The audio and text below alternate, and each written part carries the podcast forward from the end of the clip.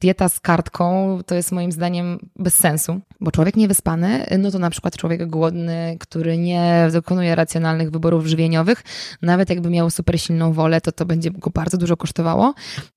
I bardzo głupia teoria, e, hipoteza, która gdzieś tam się pojawiała e, przynajmniej parę lat temu, nie wiem jak teraz w, światach, w świecie wegańskim, czyli to, że jesteśmy jak się nazywało, przybiałczeni, czy jakoś tak, że jemy za dużo białka. Absolutnie, my jemy za mało białka i jeżeli popatrzysz na, e, na talerze ludzi, którzy gdzieś tam się nie interesują żywieniem, nie są świadomi, to bardzo często tam, tam prawie wcale nie ma białka. No tak, no bo to jest taki mm, paradoks trochę naszych czasów, że musimy sobie e, przypominać tak podstawowych rzeczach i pokazywać badania naukowe na to, że warto spacerować po lesie.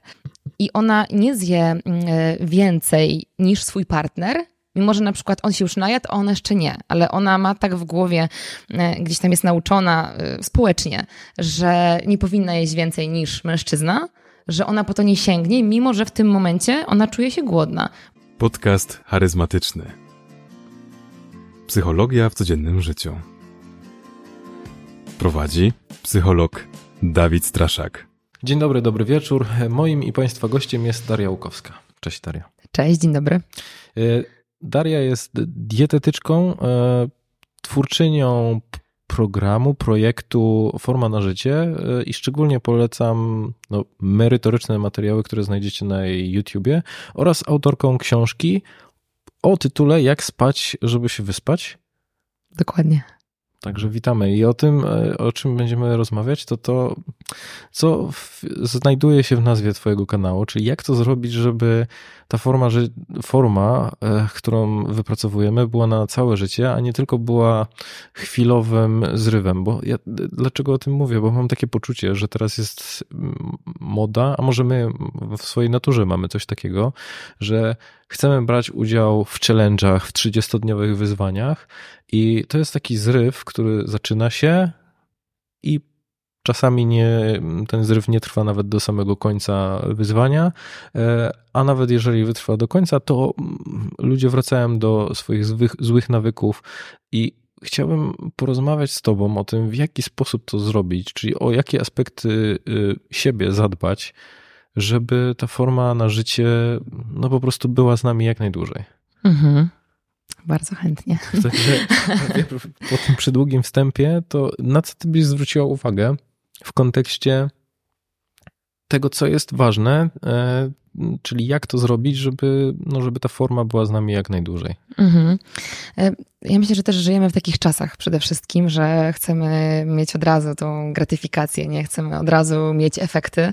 E, stąd też chociażby popularność wszystkich diet cud i diet, które ci dają kilka kilogramów mm, w tydzień czy w miesiąc. E, no ale potem no, wracamy do starych nawyków, bo to są zazwyczaj jakieś restrykcje. I to się dotyczy wszystkiego, no bo czy aktywności fizycznej, jeżeli postanawiamy, że będziemy regularnie uprawiać jakiś sport. E, no i, no i cóż, no i potem nagle codziennie trenujemy mm, intensywnie, no i za, za, za chwilę albo kończymy z kontuzją, albo po prostu jesteśmy przemęczeni i nie mamy, nie mamy siły iść dalej, więc, więc no problem jest taki, że się właśnie rzucamy na głęboką wodę e, i e, Moja nazwa kanału też się wzięła z tego, że ja też byłam w pewnym momencie bardzo skrajna w swoim życiu w różnych gdzieś tam etapach. Mhm. Ja widziałem, mm. że miałeś też takie, testowałaś różne podejścia dietetyczne i tak. to znaczy diety, które stosowałaś i też takiej chyba intensywności treningów. Tak, y, tak. Przede wszystkim też y, miałam zaburzenia odżywiania, to już, już pewnie prawie 10 lat temu, więc, e, więc jak w innym życiu, ale, ale tak otarłam się o zaburzenia odżywiania, byłam w świecie kulturystycznym, startowałam w sportach sylwetkowych, więc no to kolejna skrajność e, moim zdaniem. E, zresztą to też taka wylęgarnia, że tak powiem, ludzi z zaburzeniami odżywiania, że tak brzydko powiem, albo ludzi, których przyciąga właśnie ta branża, przyciąga ludzi, którzy mają już zaburzenia odżywiania. Nie wszystkich oczywiście, ale ja doświadczyłam, że jednak no jest tutaj taka granica, mm, wiesz, cieniutka, nie? W sytuacji, kiedy... Z czego to wynika? E, no, Z takiej restrykcyjności diety? Tak, i, no i treningów, no przede wszystkim oceniany jest twój wygląd tam. No więc jakby twoim życiem jest to, żeby dobrze właśnie wyglądać, jeżeli chodzi o aktywność i dietę. No i ta, ta cała nomenklatura typu jesteś ulany albo jesteś docięty i tak dalej. I jasne, to jest sport. Jak w każdym sporcie liczy się masa ciała, znaczy w większości sportów, może nie, nie we wszystkich, mm, ale i to jest ważne, no ale tutaj się ocieramy no już o tą granicę taką, że no jednak ten nasz wygląd to my, to poczucie naszej wartości i tak dalej i potem nie potrafimy, wiesz, nagle z tego wyjść i, i, i faktycznie ja spotkałam, przynajmniej w tych moich czasach, kiedy, kiedy startowałam w tych sportach sylwetkowych, że no, bardzo dużo ludzi miało problemy właśnie wtedy z zaburzeniami odżywiania tam. Mm, no tak, przechodziłam też przez dietę wegańską e, przez jakiś czas, więc tak, w moim życiu było sporo takich skrajności. To wszystko wynikało gdzieś tam też z poszukiwań rozwiązań jakichś tam problemów zdrowotnych, które się wytworzyły właśnie na skutek tych różnych eliminacji. No i wiadomo, jakby ostatecznie zawsze to do, do, dochodzi temat mm, jakichś tam nieprzepracowanych rzeczy, psychiki i wszystkiego naraz. E, I, i ta moja nazwa tak naprawdę, bo jakby funkcjonowałam kiedyś pod nazwą po prostu Dariołkowska dietetyk, trener personalny w internecie, mm, ale, y, ale ostatecznie no właśnie gdzieś tam zaczęłam odpuszczać, oczywiście no, z różnych przyczyn, ale ostatecznie zaczęłam odpuszczać. E, no i właśnie zauważyłam, że wtedy zaczęło się regulować zdrowie, zaczęłam e, mieć, e, regulować mi się gospodarka hormonalna, wrócił mi okres po paru latach i jakby wiesz, zobaczyłam, że w sytuacji, kiedy ja odpuściłam, to się wszystko zaczyna układać, sylwetka lepiej nagle wygląda i tak dalej i nie musisz tak bardzo się na tym wszystkim skupiać. I, i, I wtedy właśnie powstała nazwa Forma na życie, czyli jakby to nie to, że tutaj mm, muszę teraz y, wejść w jakieś restrykcje, w dietę, która ma nazwę, w jakiś tam myśli trening i tak dalej, tylko żeby po prostu mm, robić rzeczy, które są dla twojego ciała dobre i one ci się po prostu odwdzięczy zdrowiem.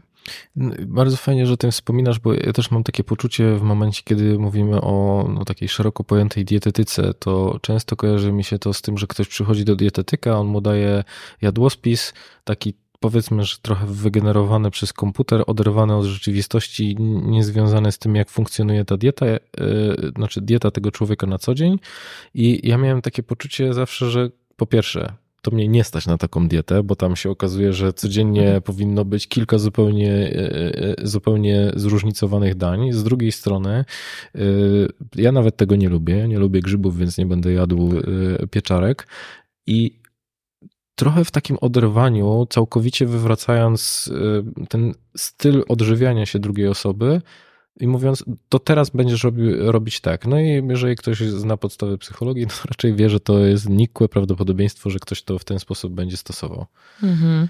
Tak, no i ja generalnie nie przypadam za pracą na jadłospisach jako takich. E, jeżeli, jeżeli mamy człowieka, e, który ma jakieś swoje nawyki i tak dalej, no to naj, przede wszystkim musimy zapytać tą osobę, zrobić z nią dokładny wywiad, e, jak ona aktualnie je, jakby co ona robi, ale no praca w, w, tej branży prawie, prawie 10 lat pokazała mi jedno bardzo ważne, e, o czym rozmawialiśmy e, też e, przed, przed rozmową, że tu rzadko chodzi o to, że ktoś nie wie, jak jeść, że ktoś nie wie, co jest zdrowe, a co jest niezdrowe. No, każdy wie, że nie wiem, niezdrowe są fast foody, czy niezdrowy jest, są przetworzone słodycze w nadmiarze, a jednak po to sięgamy i to sięgamy często w nadmiarze, kompulsywnie.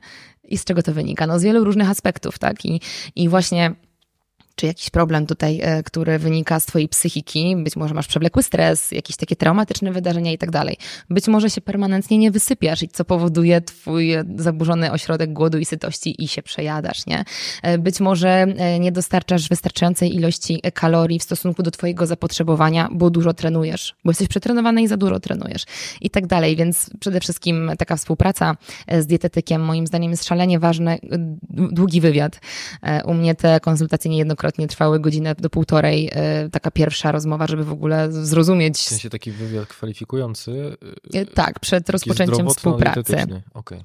Tak, tak, właśnie zdrowotno, zdrowotno-dietetyczny, dokładnie. Zdrowotno-żywieniowy kwestionariusz, najpierw taki kilkustronicowy i potem e, na tej podstawie dopiero rozmowa. No i uważam, że jeżeli już, no to jeżeli musimy kogoś nauczyć, jak jeść faktycznie, no to możemy pokazać pewne schematy, ale nauczyć go, żeby on sobie sam te posiłki komponował, nauczyć go jeżeli nie do końca wie, jakby nie każdy siedział w branży takiej żywieniowej i się, albo nie interesował się tym, żeby wiedzieć, co dostarcza białko, gdzie są tłuszcze, jak, gdzie węglowodany, więc jakby w tym kontekście możemy komuś jakieś takie schematy zaproponować, mm, ale super, żeby ta osoba sama się tego nauczyła. No i idealne, idealnym tutaj y, naszym celem dietetyka powinno być to, żeby jak najszybciej ten pacjent się usamodzielnił, podopieczny. To jest moim zdaniem najważniejsze y, i dieta z kartką to jest moim zdaniem bez sensu, e, bo y, naszym celem, nawet jeżeli krótkookresowo z powodów zdrowotnych, nie wiem, problemy z układem pokarmowym i tak dalej, musimy na przykład y, zastosować na chwilę jakąś dietę restrykcyjną, czy jakiś mm, plan suplementacyjny. Spoko, ale to będzie krótkookresowe, bo to ma jakiś cel, a długoterminowo powinniśmy nauczyć się jeść intuicyjnie, a to oznacza tylko to, że potrafimy słuchać naszego organizmu i rozumiemy sygnały, które nam wysyła. No, jak mówi się o tym intuicyjnym jedzeniu, to zawsze mam takie poczucie, że jem to, co chcę i czasem to nie jest trochę usprawiedliwienie, którego szukają ludzie po to, żeby móc sięgać właśnie po pizzę czy przetworzone jedzenie. Mhm. Tak, tylko właśnie chodzi o to, że my się uczymy czytać te sygnały a to jest pewien proces, bo jeżeli masz na przykład insulinooporność, problemy hormonalne różnego rodzaju, e, no to ty będziesz miał takie sygnały od organizmu nie do końca e, właściwe bo na przykład masz ochotę cały czas na coś słodkiego i to sobie powiesz, to jest moje jedzenie intuicyjne, ja jem pięć razy dziennie jakby słodycze, no bo tak mi organizm takie sygnały wysyła. Więc dlatego to jest proces, żeby dojść do tego i, i jakby żeby dojść do jedzenia intuicyjnego, czasem no, potrzeba przeróżnych e, kroków, e, które nas tam doprowadzą, mm, ale ostatecznie y, jedzenie intuicyjne albo życie intuicyjne, nawet bym powiedziała, zdrowy styl życia, bo żebyś ty wiedział, czy tobie się chce zjeść coś słodkiego, czy tobie się bardziej chce spać i masz ochotę na drzemkę na przykład, no nie? Mm, w tym sensie, żeby rozumieć, jakie sygnały ci wysyła organizm. Y, ja uważam, że nawet jesteśmy w stanie odczuć, czy ty potrzebujesz teraz bardziej tłustego posiłku, czy bardziej białkowego, czy więcej węglowodanów i cukrów, bo, bo coś. I, to cię mhm. zatrzymam, bo często zauważyłem, y, że w momencie, kiedy jem śniadanie i mam tam powiedzmy powiedzmy jajecznicę, warzywa i ewentualnie jakieś pieczywo, ale to jeżeli czekała, tego nie słucha, tylko to powiem. Pozdrawiamy e, Bartka. To, mm, to widzę, y, do, po co sięgam na samym początku. I to jest też dla mnie taka bardzo ciekawa informacja, y, trochę czego ja bym potrzebował. I tak jak mówisz, że mhm. czy, czy to są właśnie bardziej węglowodany, czy, czy, czy to jest białko, na co miałbym ochotę.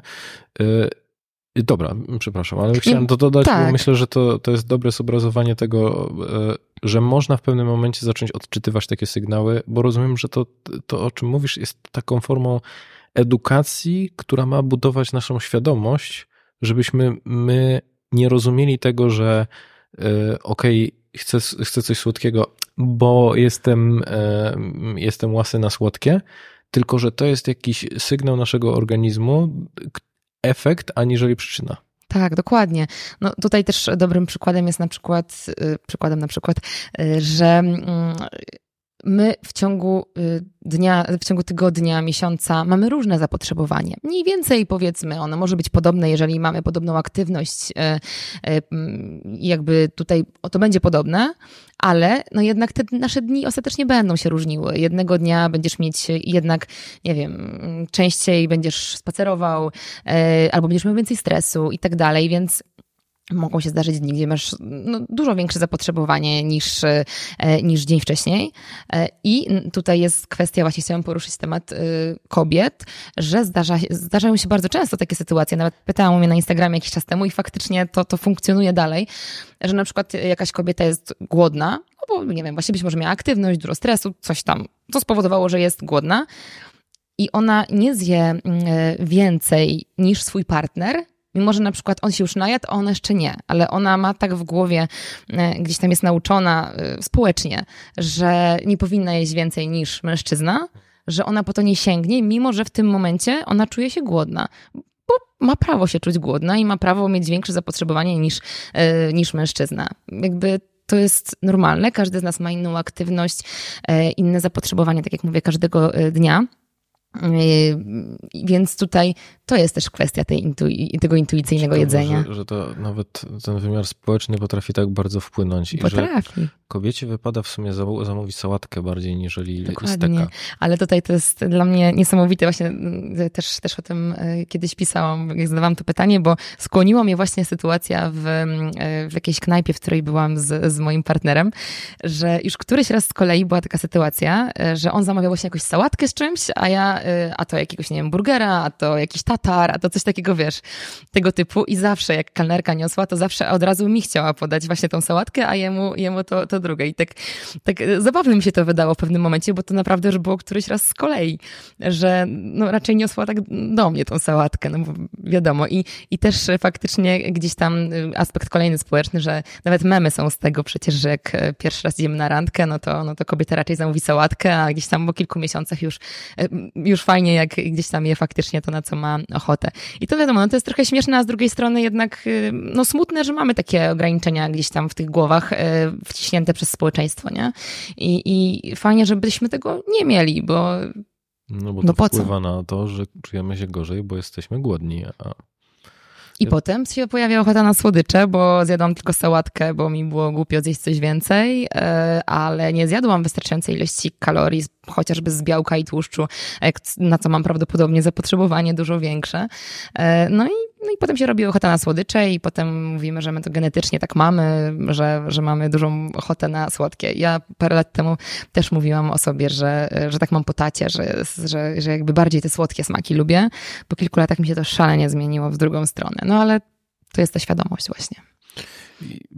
Mam wrażenie, że ty jesteś takim, e, ta, takim mediatorem w tym świecie dietetycznym, który stara się pokazać e, to, że, że dieta e, ma raczej służyć nam, aniżeli stawać się jakimś rodzajem religią, który, które większość osób wy, wyznaje. To znaczy, że w jednym okopie siedzą ludzie keto, w drugim okopie siedzą ludzie, którzy mówią weganizm i mam wrażenie, że ty jesteś gdzieś po środku i starasz się pokazać, słuchajcie, no jakby spójrzmy na to szerzej, nie, nie, nie podchodźmy do tego, do tego restrykcyjnie. I, I, jak na to patrzysz właśnie z tej perspektywy, to, to jak do tego, skąd wiedzieć, co ja właściwie powinienem jeść, skoro jedni mówią, my mamy badania na to, drudzy mówią, my mamy badania na to. Y, I ja też często dostaję takie informacje od słuchaczy, że kurczę, Dawid, ja już jestem taki zdezorientowany, bo jedna osoba mówi to, druga mm. osoba mówi to. Są chronotypy, nie ma chronotypów, dieta keto, dieta wegańska. O co właściwie chodzi? Czyli jak zachować w tym wszystkim zdrowy rozsądek? No bo my nie byliśmy uczeni tego, w jaki sposób y, w jaki sposób się odżywiać. I ta wiedza przychodzi do nas właśnie bardziej z podcastów, z jakichś książek, a, a jest ich na tyle dużo, że można powiedzieć, kurczę, ja już nie wiem czego, mm -hmm. czego słuchać i co czytać.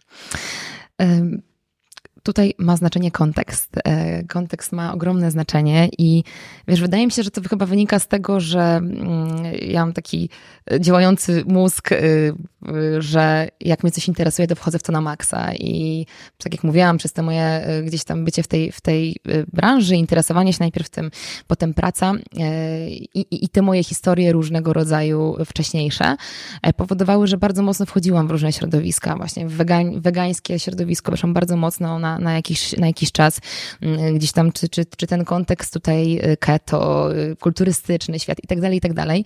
I chyba mm, przez to, że właśnie mam tendencję do wchodzenia tak na maksa i wtedy, wiesz, robię w cudzysłowie doktorat z danego tematu, y, so, sobie swój taki prywatny, no to y, pozwala mi to gdzieś tam y, właśnie widzieć z perspektywy takiej, że ten kontekst, kiedy nadamy, no to wszystko, wszystko tutaj, wszyscy mają rację i nikt nie ma racji, jeżeli nada, dodasz, dodasz kontekst. I oczywiście dochodzi do wielu kwestii, jakiś temat ideologii, e, nadużyć, e, czy upraszczania celowego, e, co powoduje, że człowiek, który w tym nie siedzi i nie widzi, że ktoś to powiedział, ale w kontekście, tylko myśli, że to ktoś tak powiedział, bo tak jest i już, no to taka osoba nie oceni tego tak, wiesz, obiektywnie, tylko weźmie to dla siebie i, i będzie myślała, że to jest jakaś taka prawda jedyna, nie? Mhm. Zwłaszcza, że też mam wrażenie, że ci propagatorzy yy, pewnych diet mówią od, z, z, z, taką pewnością o tym, że mi to pomogło i są rzeczywiście przekonani, że więc to najprawdopodobniej zadziała u każdej e, kolejnej osoby. Tak, tak, tak. To jest, to jest bardzo, bardzo popularne, tak? Dlatego też e, zawsze, e, zawsze w tej, tej branży dietetycznej pojawia się dużo osób, które na przykład same schudły, no i chcą pomagać innym. I to jest, to jest okej, okay, że chcemy pomagać innym, no tylko musimy pamiętać, że jesteśmy różni pod tym kątem, że jesteśmy w różnym momencie swojego życia zdrowotnego, w tym zdrowia metabolicznego e, i jakby mamy różną dostępność produktów i tak dalej. I e, w pewnym sensie nasz organizm funkcjonuje podobnie, tak wyjściowo, ale jednocześnie no, zróżni się nasz ten styl życia, właśnie ten punkt wyjściowy zdrowotny i to wszystko powoduje, że jednak przydałoby nam się takie bardziej spersonalizowane podejście i ktoś na to spojrzy tak szerzej. Mhm. To jak sformułowałbyś tą radę dla takiego e, Kowalskiego czy Kowalskiej, która słucha tego podcastu i mówi, kurczę, no rzeczywiście tak jest, że tu, tu keto, tu, tu weganizm, e, drapie się w głowę i mówisz o, o tym kontekście, to na co, to, to skąd wiedzieć, jak czerpać z tych informacji, żeby, żeby to było jak największą wartością dla, dla nas samych? No, ja uważam, że fajnie jest słuchać różnych ludzi i gdzieś tam gromadzić sobie tą wiedzę, no tylko tak jak mówisz, no to, to też muszą być osoby, które podają kontekst, y, a nie, a nie mówią zero-jedynkowo, więc bardziej radziłabym tutaj uważać na osoby, które mówią zero-jedynkowo, że na pewno tylko tak i, i koniec. I, no i, i, i słuchać właśnie, słuchać różnych ludzi, y, czytać różne rzeczy. No a właśnie najfajniej by było, gdybyśmy, tak jak rozmawialiśmy przed rozmową, mieli jakieś debaty takich specjalistów, którzy mogliby y, się zetrzeć w takiej rozmowie i taki odbiorca mógłby zobaczyć faktycznie o co tu chodzi, bo szczerze mówiąc, no ja generalnie współczuję, jeżeli ktoś tak wchodzi dopiero i chce po prostu tylko wiedzieć jak jeść, jak być zdrowym, bo wyobrażam sobie, jaki to jest natłok informacji i w jaki chaos informacyjny się wchodzi w tę dietetyce, nie? To jest naprawdę, musi być to trudne. Mm, jednocześnie y, Osobiście uważam, że nie potrzebujemy eliminacji, nie potrzebujemy etykiet, e, nie potrzebujemy właśnie być na jakiejś diecie, nie potrzebujemy mieć diety z kartki. E, ale jednocześnie no, powinniśmy pamiętać o podstawowych zasadach tak, jedzenia, yy, czyli nisko przetworzone jedzenie, nie przejadanie się, nie słuchanie, że musimy jeść 5-6 posiłków dziennie, bo nie wiem, inaczej nam przemiana materii się obniży.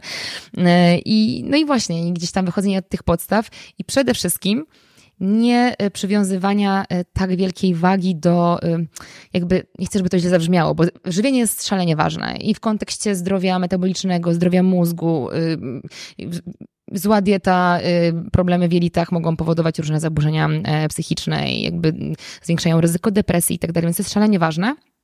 Ale jednocześnie nie możemy zapominać o innych aspektach, bo w sytuacji, kiedy nie wiem, stoi dwójka ludzi, palą papierosa i się kłócą, która dieta jest lepsza, no to wiesz, e, i, i, jakby takich aspektów mamy, mamy wiele, tych filarów formy na życie właśnie, jakby właśnie, czy to jest kwestia snu, aktywności, y, używek, y, tej równowagi psychicznej i tak dalej. I w takiej sytuacji y, to ta dieta nasza nie musi być idealna, ona musi być po prostu dobra, musimy pamiętać, co jest zdrowe, a co być może mniej zdrowe, ale jednocześnie to nie znaczy, że jak sobie raz na jakiś czas to zjemy, to coś się wydarzy.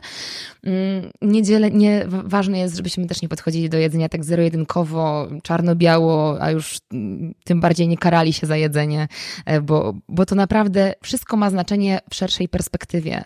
E, nie, nie to, że dzisiaj zjadłeś McDonalda, tylko to, że przez cały miesiąc jadłeś zdrowo, a dzisiaj się tak, tak wydarzyło e, i tyle, nie? I patrzymy na to zawsze długoterminowo i patrzymy, ile rzeczy dookoła się tego zadziało. Czy zjadłeś, czy nie wiem, wypiłeś się dwie lampki wina, ale w towarzystwie przyjaciół, gdzie być może gdzieś tam jeszcze w otoczeniu e, zieleni w ogóle było ci bardzo przyjemnie, czy y, wracasz z korpo zestresowany i pijesz, y, wiesz, pół butelki wina, bo na stres, żeby rozlutować emocje. E, oczywiście dalej, no to jest alkohol i y, on szkodzi zdrowiu, ale kontekst ma znaczenie. Jeżeli to, to się dzieje raz na jakiś czas, tak jak mówię, ale w takiej miłej, e, miłej aranżarii to zupełnie co innego niż w sytuacji, kiedy coś jest powtarzalne, właśnie kompulsywne obiadanie się, jak, jak nadużywanie alkoholu, papierosów, narkotyków, innych takich rzeczy, które, które, w, które jakby sięgamy po nie, żeby mm, rozładować emocje, żeby zatuszować być może coś, co jest dla nas niewygodne, a do czego nie chcemy dotrzeć, a do czego fajnie by było dotrzeć na przykład u, u ciebie czy u innych psychoterapeutów w, w gabinecie. Nie? To też jest niesamowite, jak wiesz, rozmawiałem z Mikołajem Choroszyńskim i on się zajmuje takim, no mocno psychodietetycznie pracuje z ludźmi i tym nastawieniem na jedzenie e, słodyczy, gdzie on praktycznie patrzy głównie na to z tej perspektywy, czy to są zaspokojone potrzeby i nie, czy nie zaspokojone potrzeby. I kilku i ja tak myślałem, że to jest trochę takie naciągane w tym wszystkim, że to, e, że to jest właśnie patrzenie tylko z jednej perspektywy i zaskakujące było to, jak wielu klientów, z którymi ja na co dzień współpracuję, którzy posłuchali tego odcinka, powiedzieli, że trochę tak jest, że ja jem na przykład słodycze z tego względu, że ja się nie czuję bezpiecznie.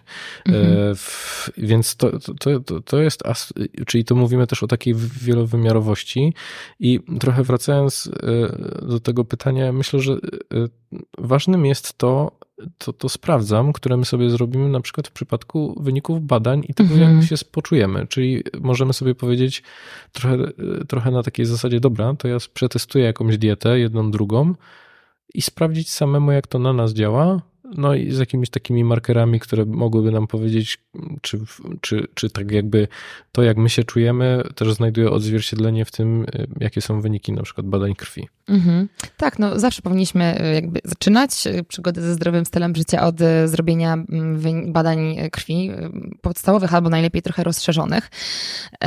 I tutaj nie, nie, chyba nie zgodzę się, żeby testować diety, ale bardziej, że mm, masz tak mówiłam, jakieś podstawowe zasady zdrowego odżywiania, typu po prostu dieta nisko przetworzona. Czyli patrzymy na te produkty tak zwane nisko przetworzone i w tym obszarze moim zdaniem y, nie potrzebujemy eliminacji, chyba że chcesz z jakiegoś powodu. Jeżeli nie masz takiej potrzeby, to czy to są mięso, jajka, ryby, strączki, y, jeżeli twoje jelita dobrze tolerują strączki, jeżeli nie masz problemu z tym, że jesz produkty odzwierzęce, to wszystko jest ok.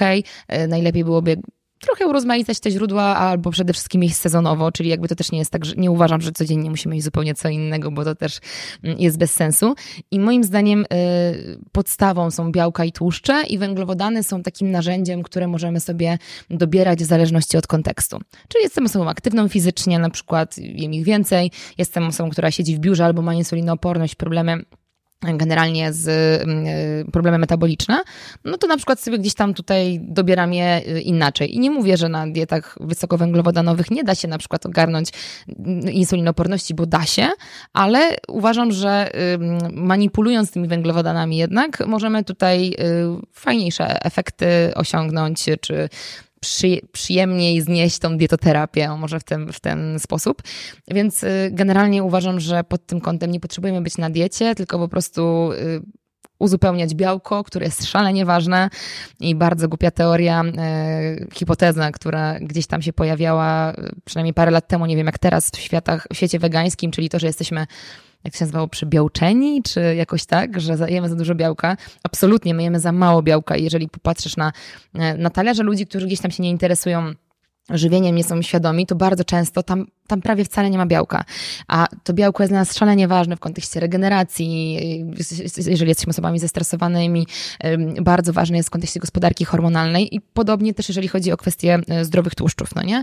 Więc jakby te dwa aspekty moim zdaniem są bardzo ważne, żeby o nich pamiętać. No i dochodzą węglowodany, czy jakby raz to warzywa, no ale dwa powiedzmy, jeżeli chcemy zboża czy kaszę, no to już tutaj musimy patrzeć, jak my się po tym czujemy, po jakiej ilości, czy, czy my się po posiłku czujemy dobrze, czy my musimy iść spać, spać, to też jest jakby bardzo ważny wyznacznik zdrowia metabolicznego. Mm, no i jak idziemy spać, to niedobrze.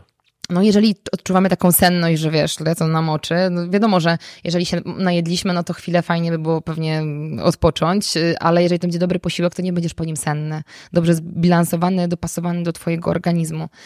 No i też, też uważam, że Mm, wyznacznikiem dobrego odżywiania i tego, że to na ciebie dobrze działa, jest to, że masz stabilny poziom energii przez 4-5 godzin, a nie, że po 3 godzinach już cię się i musisz już coś zjeść. Chyba, że ktoś się decyduje na taki sposób odżywiania świadomie.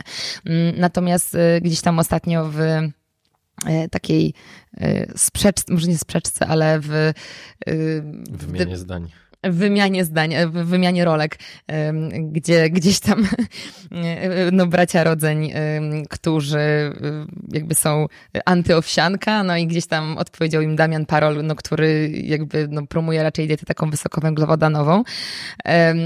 No i powstał, powstał taki e, hashtag u nich, e, u, u, u Damiana i jego obserwujących e, nie zamulam po owsiance. No i tak widziałam, obserwowałam gdzieś tam te, te udostępnienia też i jakby jasne, jeżeli po węglowodanach się dobrze czujesz, nie masz zjazdów energii, to znaczy, że spoko, możesz je jeść, bo po prostu jesteś zdrowy metabolicznie, no nie? Czy masz dobrą kompozycję i nawet jeżeli masz zaburzenia metaboliczne, ale posiłek jest skomponowany na tyle z niskim ładunkiem glikemicznym, że nie powoduje spadku cukru we krwi, no to też okej. Okay. No, ale... Wiesz, że ta rolka mnie zmotywowała do tego, żeby zrealizować te badania, o których on tam wspominał? No właśnie. Więc to no. było dla mnie takie ciekawe, tak. bo on bardzo znaczy trafnie, no, jakby rzetelnie przekazał, co może być przyczyną i co warto byłoby zweryfikować, y, co powinno być niepokojącego. Ja podlinkuję, żeby mhm. słuchacze wiedzieli, o co, o, o, co chodzi, bo tam y, Damian przedstawił listę badań, które wa warto byłoby zrealizować, jeżeli my jemy rano owsiankę i bardzo... I mamy spadek cukru. I, i mamy spadek mhm. cukru. Tak, no właśnie i to jest jakby, no znowu, to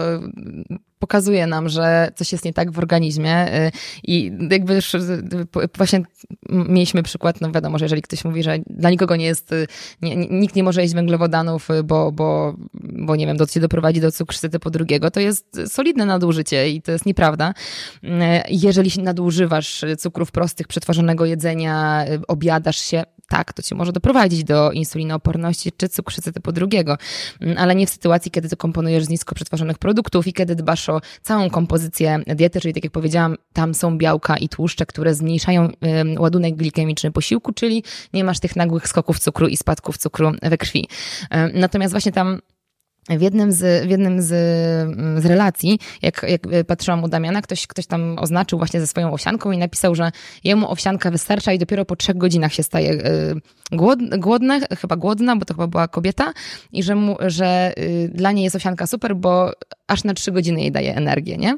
I to dla mnie tak, to było z kolei tak, taka informacja, że ja po moich posiłkach jestem w stanie 4-5 godzin nie jeść i mam stabilny poziom energii, i nie, nie odczuwam takiego głodu, wiesz, silnego, że już czuję, że mnie coś tam skręca i muszę iść e, zjeść, no nie? I, I dla mnie na przykład jest to bardzo wartościowe. No ale jeżeli na przykład ktoś trenuje i ma potrzebę iść częściej, częściej dostarczać węglowodanów, bo na przykład jest bardzo aktywną osobą fizycznie, no to być może taka osoba będzie jadła częściej, będzie częściej wtedy odczuwała e, głód, bo ma na przykład e, gdzieś tam więcej jednostek treningowych i, i tak dalej. Natomiast też musimy pamiętać, że to nie jest tak, że my musimy jeść co trzy godziny, bo inaczej to jest niezdrowa dieta. Absolutnie nie przede wszystkim kompozycja. Ja uważam, że u osób, które nie są bardzo aktywne fizycznie, to takie trzy posiłki dosyta, z dobrej jakości e, białkami, tłuszczami, węglowodanami jest bardzo optymalne w kontekście zdrowotnym. Dobra, to ja postaram się wyciągnąć esencję z, te, z tej części dietetycznej. Czyli tak, z jednej strony starać się nie ulegać skrajnościom, z drugiej strony dostarczać sobie przede wszystkim odpowiedniej podaży e, białka, tłuszczów i węglowodany, powiedzmy, żeby traktować jako formę uzupełnienia. A e, masz jakieś przedziały, to znaczy na przykład gram białka na kilogram masy ciała, który powinniśmy, w który powinniśmy celować, czy boisz się podawać takich? Znaczy ja raczej staram się wartości nie, nie, nie podawać zazwyczaj, zwłaszcza jeżeli chodzi o kwestie suplementów. E, natomiast y, tutaj mm, to zależy od naszej aktywności fizycznej, no nie?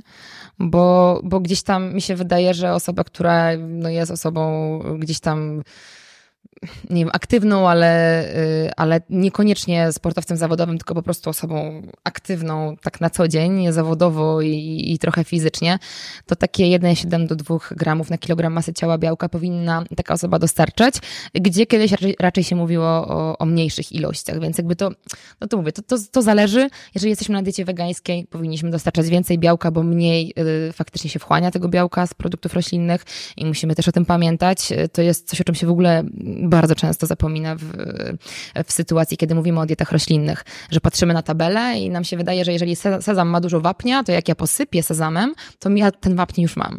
Tylko potem zajrzyjmy sobie do kibelka, że to wszystko właśnie wydaliliśmy, no bo okej, okay, tahini, czyli na przykład pasta z sezamu, no już może nam dostarczyć tego wapnia, nie? Ale w sytuacji, kiedy masz nie wiem, jakieś nasiona, ziarna, no to nasz organizm sobie rzadko kiedy z tym poradzi, tak żeby z tego wyjąć sobie, co potrzebuje. potrzebuje. Dlatego się mówi o jakichś fermentacjach, o, o jakichś przetwarzaniu, mieleniu, robieniu właśnie past i tak dalej, bo to jest wtedy dla nas bardziej przyswajalne. Więc też musimy o tym pamiętać, że kiedy komponujemy diety roślinne, no to my musimy to zapotrzebowanie na żelazo, na białko powiększyć, bo my z tego produktu nie weźmiemy tyle, ile wyciągniemy na przykład żelaza i białka z wołowiny. Nie? Okej, okay. starałem się to uprościć, ale komplikujesz znowu. No, trudno, trudno, tak trochę, y, tak. Dobra. I o wiele bardziej ważny będzie kwestia związana z tym, żeby skupiać się na e, produktach nieprzetworzonych yy, oraz na tym, jaki jest ten kontekst nawet e, spożywania posiłku. To znaczy, że wino do obiadu pełnowartościowego będzie ok, ale... Nie, no nie powiedziałam tego. Nie. W sensie, że powiedziałam, że jeżeli to jest raz na jakiś yy, czas, w, tak.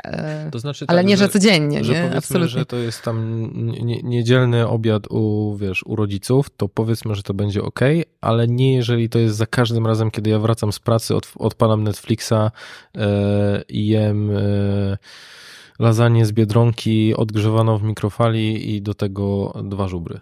Tak, tak, dokładnie. No, alkohol, jakby to też jest inna, inna kwestia, że najlepiej byłoby go nie pić wcale. Mhm. To już wiemy, jeżeli chodzi o gdzieś tam badania naukowe. Natomiast no, w, też raz na jakiś czas, tak jak mówię, to, to się nic y, złego nie stanie, jeżeli całokształt jest ok. Mhm. Dobra. To jeżeli ten kontekst dietetyczny mamy, powiedzmy, że zagospodarowany, to co jeszcze jest takim ważnym aspektem, który pozwoli nam tą formę na resztę życia utrzymać? No, y, nie zaskoczę cię, jak powiem, że sen jest tutaj dla mnie szalenie, szalenie ważny.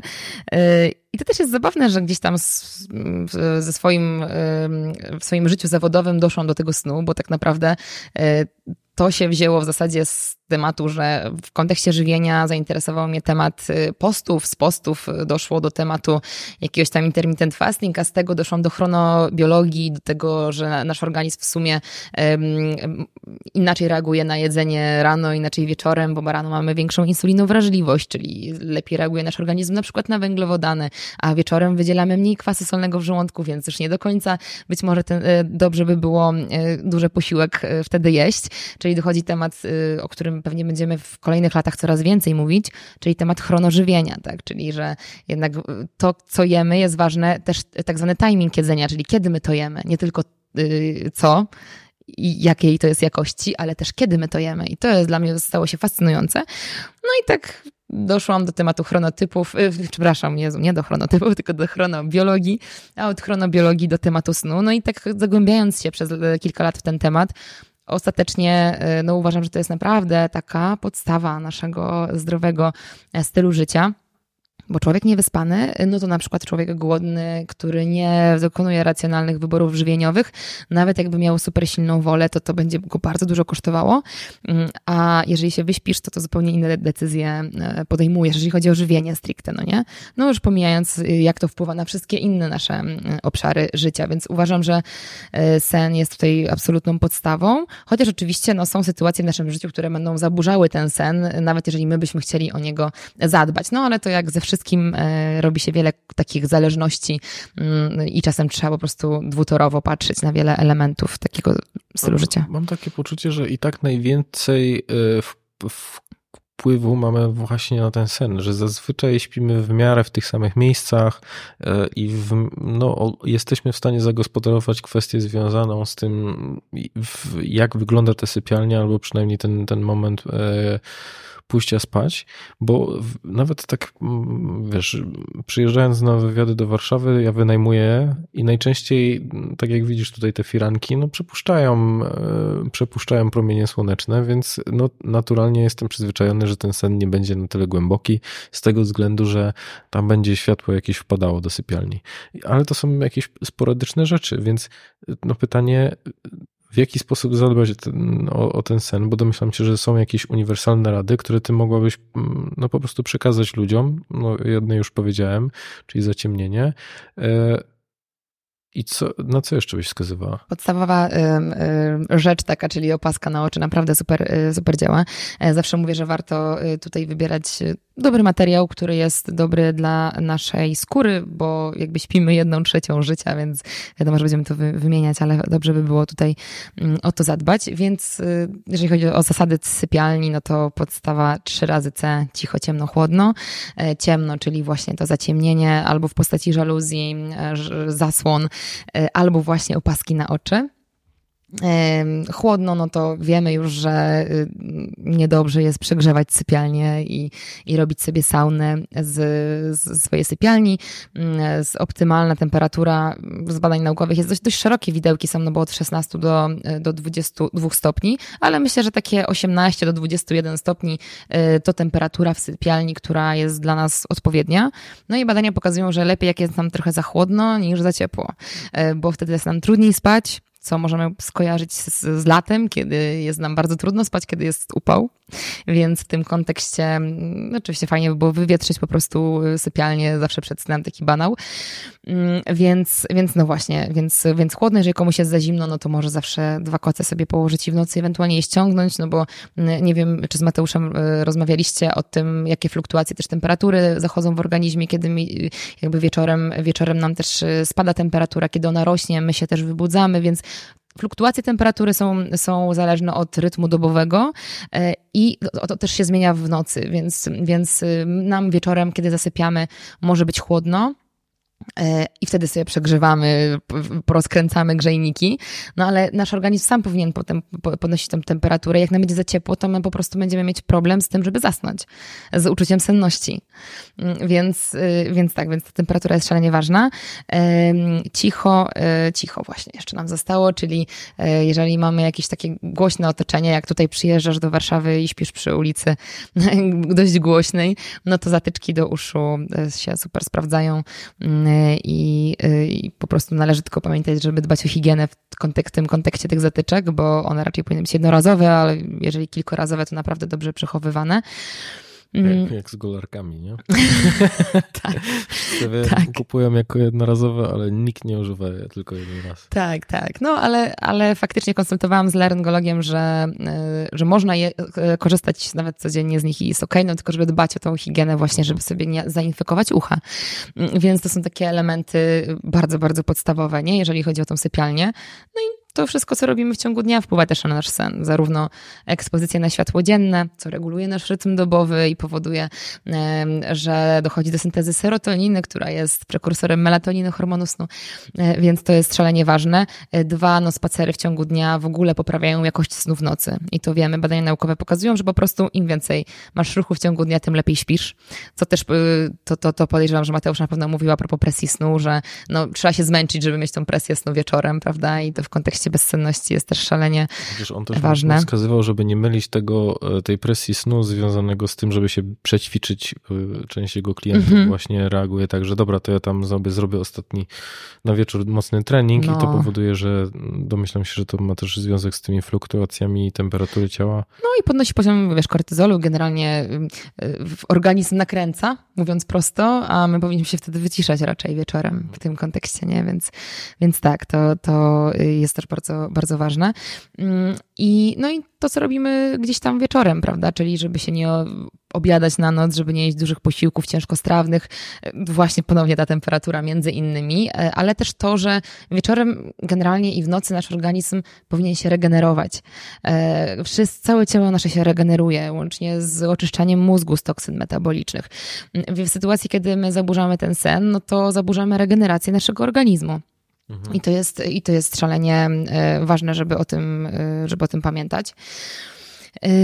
I, i, I właśnie, jeżeli jemy duży posiłek no, na noc, no to nasz organizm no właśnie nie ma za bardzo możliwości regeneracji tego układu pokarmowego, no tylko będzie trawił, ale też nie będzie trawił odpowiednio, bo tak jak mówiłam, wieczorem obniża się kwas solny, poziom kwasu solnego w żołądku, który jest niezbędny do trawienia i zwalnia pasaż jelitowy, czyli generalnie nasz organizm nie jest gotowy na przyjęcie zbyt dużej ilości posiłku. Okay. My jemy dużą kolację, idziemy potem spać i to szalenie zwiększa ryzyko na przykład problemów z układem pokarmowym, takich jak reflux i takich jak SIBO czy IBS, tak zwane jelito drażliwe.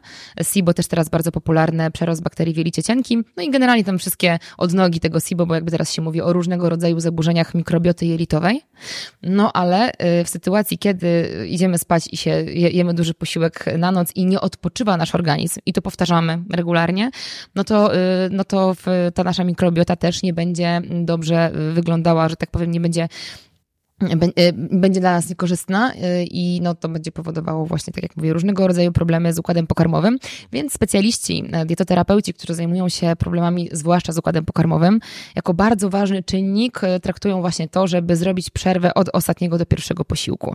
Czyli żeby dać sobie te takie 3-4 godziny, o których się często mówi, przerwy od ostatniego posiłku do snu. Bo, no, bo to jest ważne Oczywiście, że ktoś trenuje, no to jeżeli wraca, jeżeli ma tylko możliwość wieczorem, tak jak mówiliśmy, to być może nie jest za dobre, ale jeżeli tak jest, no to coś, co szybko opuszcza układ pokarmowy wtedy. Możemy spożyć jakiś, nie wiem, koktajl, który ma trochę białka, e, trochę węglowodanów, e, znaczy białko, węglowodany, węglowodany i trochę tłuszczów, ale nie za wiele, bo tłuszcz na przykład wtedy już na noc to będzie nam opóźniał opróżnianie żołądka. Więc jakby tak musimy skomponować, żeby przede wszystkim wystarczyć białko i węglowodany, a to szybko ci opróżni żołądek, przez co nie będzie zalegało, nie będzie powodowało chociażby zwiększonego ryzyka refluksu. Więc żywienie. No i. no, no. Tutaj tylko wtrącę, że super, że o tym wszystkim powiedziałaś, no bo każdy z nas słyszał tą radę, że trzeba jeść jak najpóźniej, znaczy, żeby ten ostatni posiłek był jak najwcześniej przed, przed pójściem spać, i właśnie tam różne, różne czasy się podaje, dwie, trzy, cztery godziny. Tak. Ale no, dzięki, że to tak klarownie wyjaśniłeś, z czego to wynika, to znaczy, jaka argumentacja stoi za tym, że warto właśnie w ten, w ten sposób zrobić, bo teraz to mi rzuciło zupełnie mhm. inne światło na to, dlaczego to jest takie istotne. No i też to, tak jak mówiłam trochę wcześniej, jak rozmawialiśmy o, o żywieniu, że e, też y, jeżeli chodzi o kwestię insulinowrażliwości, y, też to inaczej wygląda, w sensie e, wieczorem mamy gorszą insulinowrażliwość niż rano, co oznacza, że no też organizm gdzieś tam wieczorem będzie gorzej, chociażby gospodarka węglowodanowa reagowała na to, co dostarczamy wieczorem, no nie, do organizmu, jeżeli chodzi o kwestię żywienia.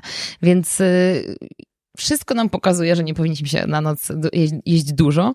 E, tak jak mówię, no, czym innym są jakieś tam przekąski, jeżeli ktoś z przyczyny potrzebuje, ale uważam, że jeżeli nie ma takich wskazań, jakichś takich y, około medycznych, y, no to spokojnie możemy zjeść na przykład trzy posiłki, zrobić pomiędzy nimi 4-5 godzin przerwy i ostatni zjeść 3-4 godziny przed snem i nie być głodnym, bo to jest ważne, bo czasem ludzie mówią, że okej, okay, no to ja y, próbuję tak nie jeść te 3-4 godziny przed snem, ale co jak jestem głodny wieczorem? To znaczy, że nie zjadłeś w ciągu dnia odpowiedniej ilości energii albo, że masz zaburzenia gospodarki cukrowej. Mhm. I to nie chodzi o to, że jeżeli mamy przesunąć odżywianie na tą pierwszą część dnia, czy tam trzy czwarte dnia powiedzmy, że, że jesz przez y, do tej tam, nie wiem, 18, 19 na przykład, bo to tak wychodzi, jeżeli chodzi o 3-4 godziny przed snem, to nie chodzi o to, że masz teraz wyrzucić jeden posiłek ostatni, tylko że przerzucić go na wcześniejsze, jakby podzielić tą energię, kalorie. Po prostu my potrzebujemy y, zjeść tyle, ile, ile potrzebujemy, to nie jest tak, że ten jeden posiłek po prostu znika, tylko on tak. ma być przeniesiony albo rozłożony odpowiednio. Tak, dokładnie, dokładnie. O to chodzi, że y, żeby osiągnąć to, to, że po prostu już w pewnym momencie nie jesteśmy głodni, no ale znowu widzisz, to dochodzi kwestia stylu życia. Jeżeli ktoś żyje wieczorami bardzo mocno, no to będzie miał też trudność y, y, w tym kontekście, więc, no więc to zawsze jedna zmiana pociąga za sobą drugą. I to też nie chodzi o to, żeby zrobić wszystko z dnia na dzień, bo tak jak rozmawialiśmy na początku, to się nigdy nie sprawdza, ale metodą małych kroków, y, zmieniając jedno, faktycznie będziemy powoli zmieniać drugie i trzecie, żeby to wszystko razem ostatecznie dobrze działało. No, wiesz, ja też na to patrzę w ten sposób, że nie zawsze e, ma się do tego sposobność i nawet ja jestem przykładem, że pracując w gabinecie pracuję głównie popołudniami, mhm. więc w momencie, kiedy wstaję na siłownię mm, rano i mam powiedzmy czas pomiędzy 9 a 14 i w tym czasie miałbym zmieścić 3000 kilokalorii, e, to myślę, że może źle by to wpłynęło na moją psychikę. I układ pokarmowy. E, no dokładnie, więc czasami y, też chcę uspokoić ludzi, bo pamiętam, Mhm. że to była taka olbrzymia presja na mnie, że kurczę, no jednak tyle tych podcastów e, robisz, rozmawiasz z tymi dietetykami, a sam nie, realizujesz takich rzeczy. Czasami po prostu się nie da. I, Tak. i Seba Kilichowski bardzo fajną rzecz powiedział, że to jest ok, że się nie da, ale trzeba tak sobie myśleć o tym długofalowo, żeby ustalać to życie, żebyś docelowo mógł to realizować w zupełnie inny sposób. Tak. To znaczy, że to, że ty teraz pracujesz na te e, zmiany, to staraj się tak zarządzać swoim życiem, żeby docelowo nie pracował na te zmiany. Tak, ja, ja zawsze mówię, że mm, to super, że my rozmawiamy o y, ideałach, czyli właśnie o, o tym, jak to idealnie powinno wyglądać, bo my wiemy, do czego możemy dążyć, ale to, że zrobimy nawet mały jeden krok w kierunku tego ideału, to już jest super, bo jakby no, ideały są po to, żeby być może nie do końca je osiągać, ale żeby do nich dążyć i, i przez to gdzieś tam realizować, mm, e, realizować swoje e, cele, e, ale nigdy nie będzie idealnie. Nigdy nie będziemy żyć idealnie, zgodnie ze wszystkimi zasadami zdrowego stylu życia, E, No bo wtedy byśmy musieli się odciąć od życia społecznego, y, wiesz, rodzinnego. E, No naprawdę to byłoby bardzo trudne. A my potrzebujemy mm, życia społecznego przede wszystkim. No chociaż, e, że rozmawiałem z Fryderykiem Karzełkiem, to on powiedział, że on nie chodzi na imprezy, na których się serwuje alkohol, bo on nie pije. Więc czasami można podejść do tego z zupełnie innej strony. No tak, ale to jest kwestia znowu, no pewnie, nie wiem, znajomych, czy wiesz, no ludzi, no podejrzewam, że ma jakichś znajomych, z którymi spędza czas nie pijąc alkoholu, no nie, więc to chodzi właśnie o to, żeby gdzieś tam mieć, yy, mieć to życie społeczne jakieś, bo jednak ostatecznie jesteśmy yy, zwierzętami stadnymi i jest to nam potrzebne do życia bardzo. Mówiłeś o chronobiologii, czyli takim podejściu dostosowanym, czy chronodietetyce, nie wiem. to- Chronożywienie nazwałam to. Chronożywienie, Mhm. o, okej. Y, Czyli rozumiem, y, jak mogłabyś to przybliżyć? Co masz na myśli? Bo powiedziałaś o kwestii związanej z tym, że y, zmienia się nasza wrażliwość na, na to, co jemy, w zależności od to, tego, kiedy jemy. Czyli to też jest związane z tym chronotypem porannym i wieczornym, to znaczy, że mm, sowa inaczej będzie reagować niżeli skowronek na to, o której co je? Tego nie wiem, e, znaczy nie wiem w tym sensie, że tego nie wiadomo, ponieważ e, no, same chronotypy, jak wiesz, no tutaj dla mnie są bardzo tematem e, takim niejasnym moim zdaniem. Nie wiem, czy już publikowałeś, czy będziesz publikował rozmowę, czy już przeprowadzałeś rozmowę w sprawie chronotypów. Jeszcze, jeszcze jutro rozmawiam, także Okej, y, powiedzieć. bo jestem, jestem bardzo ciekawa, no ja sama gdzieś tam też, też ten temat eksploruję od jakiegoś czasu i, i w tym kontekście, mm, no moim zdaniem nadużywamy tego y, w myśleniu takim naszym, nie osób, które siedzą w, powiedzmy gdzieś tam w nauce, tylko osób, które chcą zdrowo żyć. My nadużywamy pojęcia sowa, nocny marek, bo bardzo wiele wynika z stylu życia XXI wieku.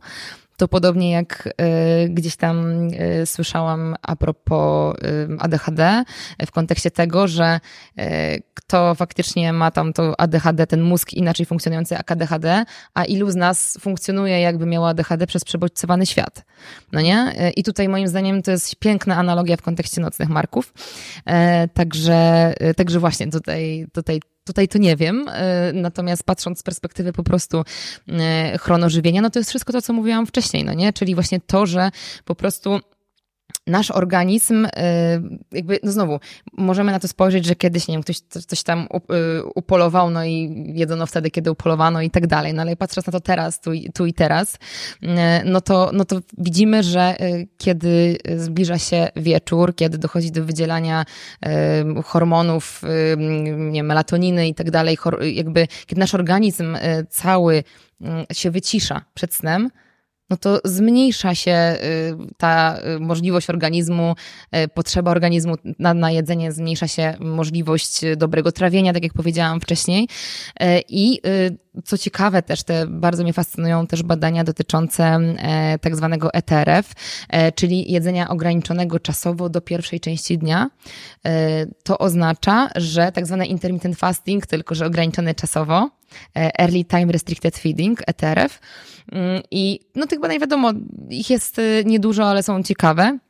W tym kontekście, że e, jedno z najbardziej, najczęściej cytowanych badań, czyli to, że mm, mamy grupę ludzi, którym ograniczono tylko porę jedzenia, nie ograniczając kalorii, i oni, jasne, nie chudli, ale poprawiała ich się właśnie insulinowrażliwość, poprawia, jakby ciśnienie wracało do e, normy i wiele problem, jakby jego ich mm, zdrowia metaboliczne e, się poprawiało tylko z tego powodu.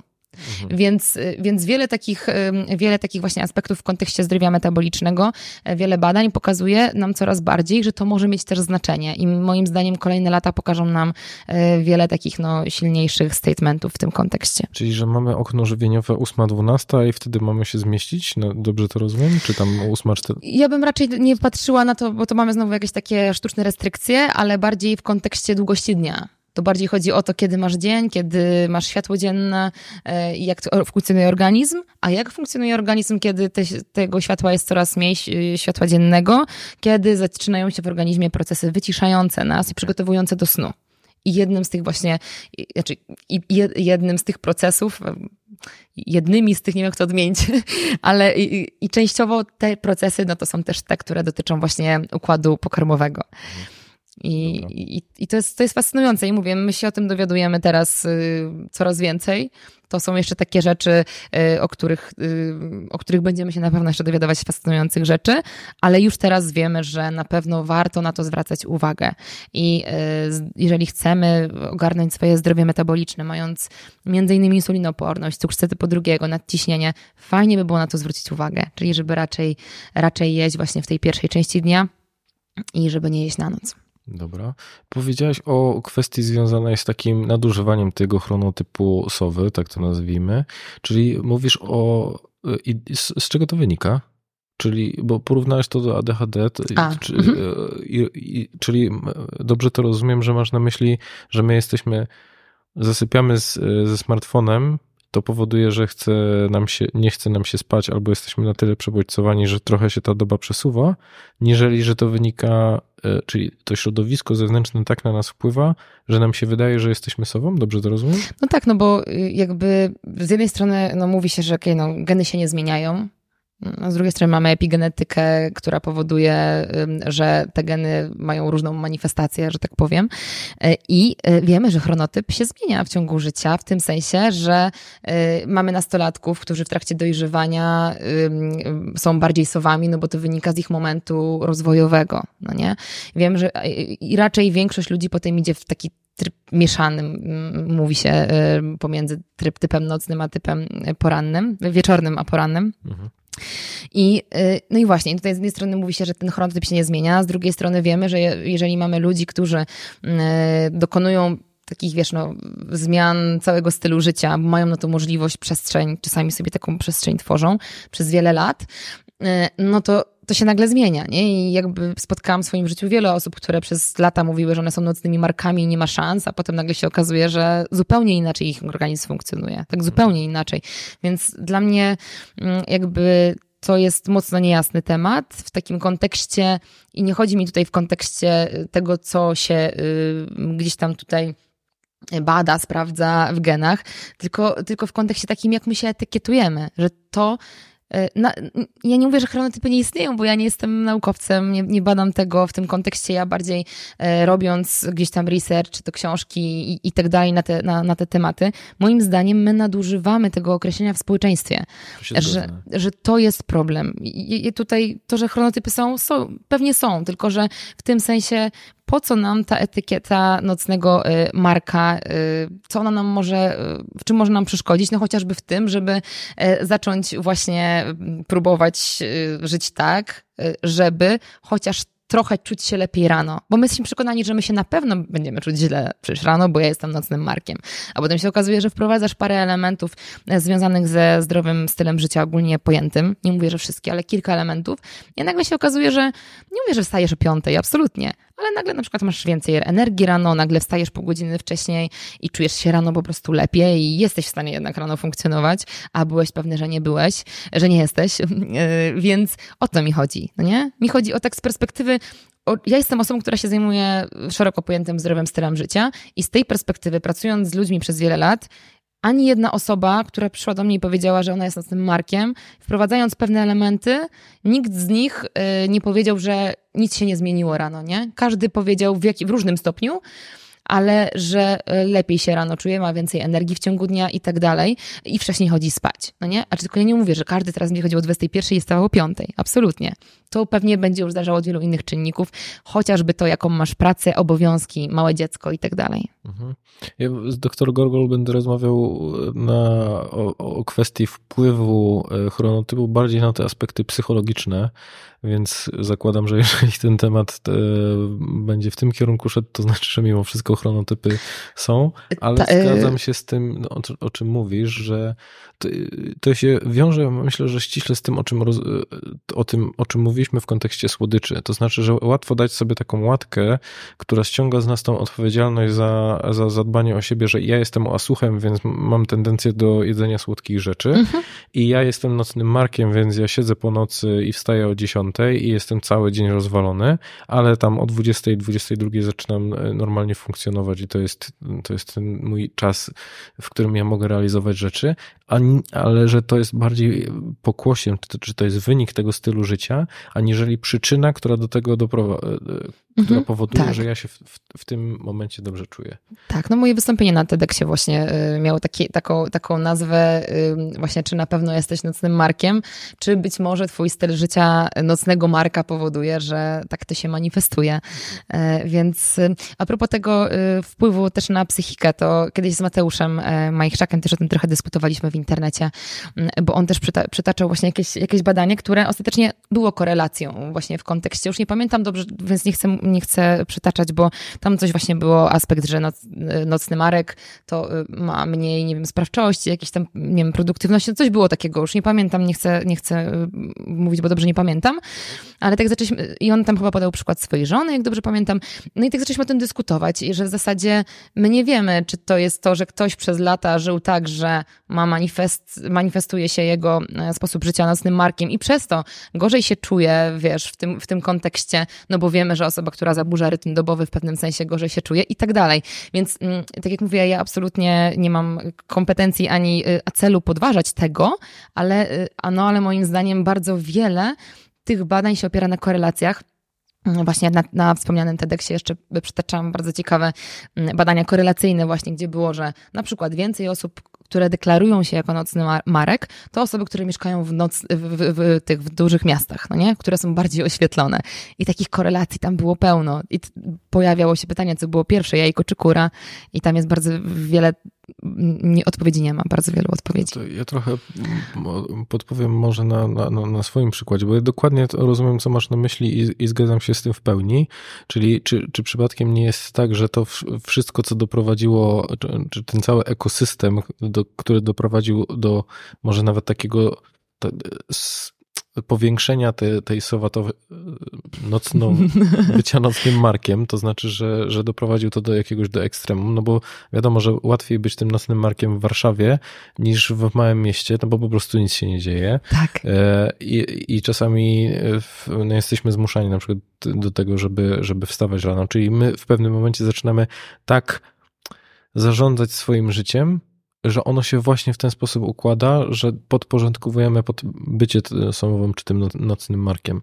Ale do czego dążę? Bo mam takie e, dwie historie. Jedna dotyczy tego, że e, byłem w Jordanii i spałem na pustyni, gdzie zero zasięgu, zero internetu, niczego nie było, więc e, no ten, to słoń, powiedzmy, że wróciliśmy do ustawień fabrycznych i rzeczywiście to było najlepszy sen w moim życiu i wstałem razem ze słońcem.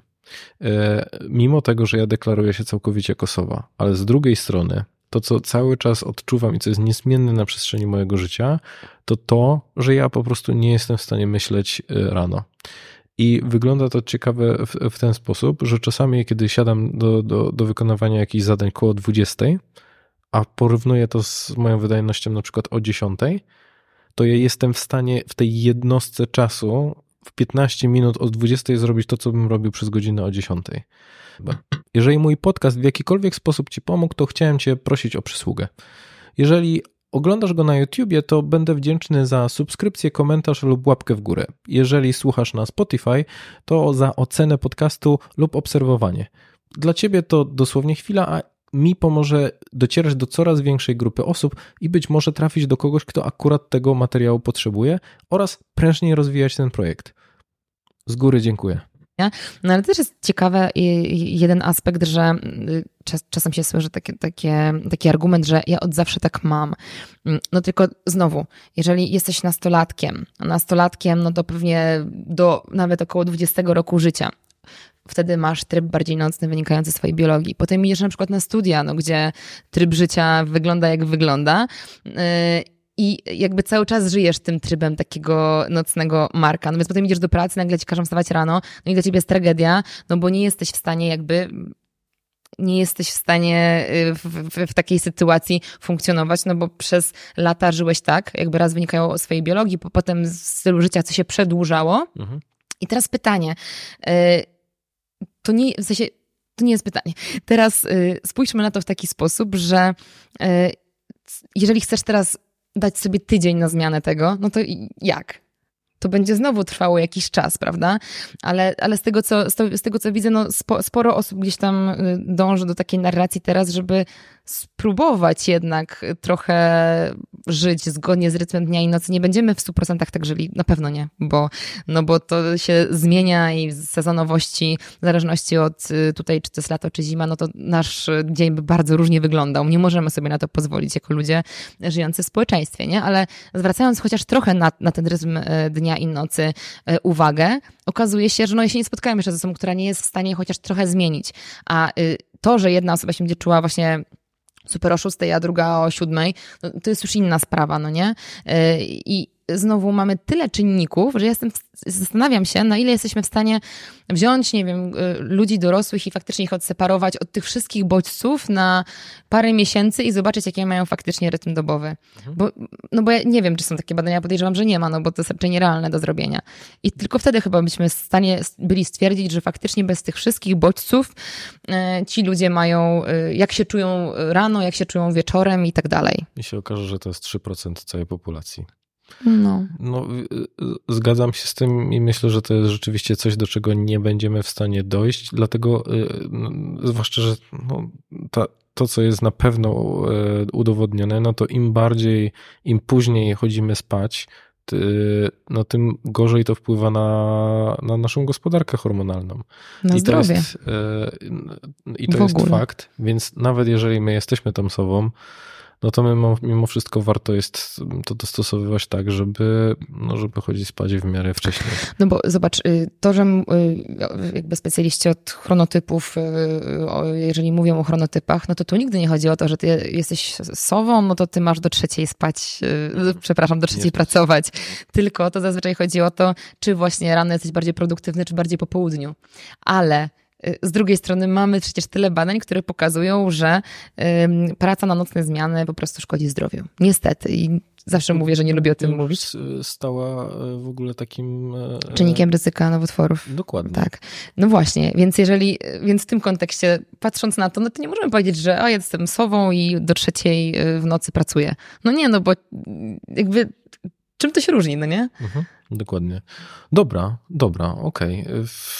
Także y, to, co powinno wybrzmieć z, y, z, z, tego rozdziału, to przede wszystkim to, żeby chyba nie poddawać się tej łatce, że ja jestem sobą i całkowicie sobie odpuszczam, czyli mimo wszystko dbać o to, żeby ten rytm dowowy był wyregulowany. Ty już podałeś bardzo konkretne wskazówki dotyczące tego, w jaki sposób też dopasować posiłki do tego, y, jak ten nasz dzień wygląda, no i aspekt związany z tym, jak zadbać o tą sypialnię, żeby ona działała na naszą korzyść. I ja szczególnie e, chciałbym też polecić przy okazji tutaj e, zaznaczyć twoją książkę, która jest e, no, takim bardzo konkretną instrukcją. No jeżeli podoba się wam ta narracja, jaką Daria przedstawia w kontekście takiego dowodów naukowych, to tam jest dokładnie tak rozbudowane, że bibliografia to jest tam kilkanaście stron, więc tak. no, polecam. I jest mniej chaotycznie niż moje wypowiedzi powiedzieć. o, tak, ja, ja jak zawsze no, pięć, pięć ścieżek w, w mózgu naraz e, rzeczy, które, e, które chcę powiedzieć, więc... Myślę, że to też jest... E, zahaczyliśmy trochę o ten aspekt, ale dopaminy i detoksów dopaminowych, to znaczy, że co my sobie robimy na co dzień, co powoduje, że my tak naprawdę jesteśmy przestymulowani. I jak na to patrzysz? Życie, życie to powoduje nasze w naszych czasach. Przede wszystkim y, wszechobecne dźwięki, powiadomienia. Y, to myślę, że przede wszystkim jest największym problemem. Nie? Y, I my przez to, że mamy cały czas te powiadomienia różnego rodzaju z różnych miejsc, czekamy na nie, nie, nie jesteśmy w stanie się skupić. No, ile osób tak, y, tak ma teraz? Myślę, że bardzo dużo naszych słuchaczy y, przyzna, że no, kiedyś byłeś w stanie przeczytać rozdział w książce albo kilka na raz, a teraz czytasz stronę i musisz sprawdzić, czy ktoś ci coś napisał, polajkował, nie wiem, cokolwiek, no nie? Więc no, to nasze skupienie jest tragiczne w tym, w tym kontekście. Mm, I, no i właśnie, i gdzieś tam to też y, y, dużo bodźców, dużo bodźców z zewnątrz, przede wszystkim właśnie w postaci różnego rodzaju powiadomień, rzeczy, które potrzebujemy szybko, przyjemność, y, używki różnego rodzaju to wszystko powoduje, że no niestety nie potrafi, wpływa bardzo mocno na nasze skupienie nie? i podejrzewam, że też na zdrowie psychiczne, to już ty wiesz lepiej.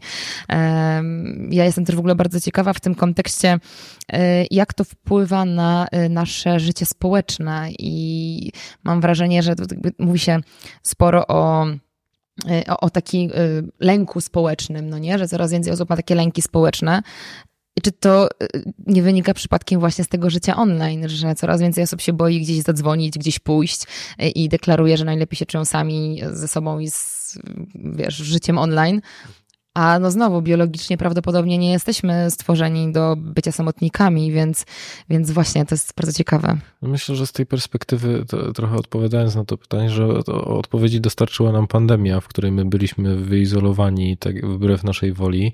I w, no, właśnie wspomniany kilkukrotnie Mateusz Majchrzak mówił o tym, że no, zaburzenia lękowe uogólnione zaczynały występować u, u, większości populacji. No może nie u większości, ale zdecydowanie mm -hmm. większej części ludzi, co powodowało, że y, co, co było też takim pokłosiem tej, tej izolacji i to też na, jakby działa dwustronnie, to znaczy, że ludzie się tym samym jeszcze bardziej izolują, bo się, y, bo się obawiają, czy, czy czują jakiś dyskomfort. Więc odpowiadając na to pytanie, na pewno ma to olbrzymi wpływ, że my się zaczynamy wycofywać, a poza tym nam się po prostu mniej chce. To znaczy, że jeżeli my mamy możliwość w kontekście nawet takiego.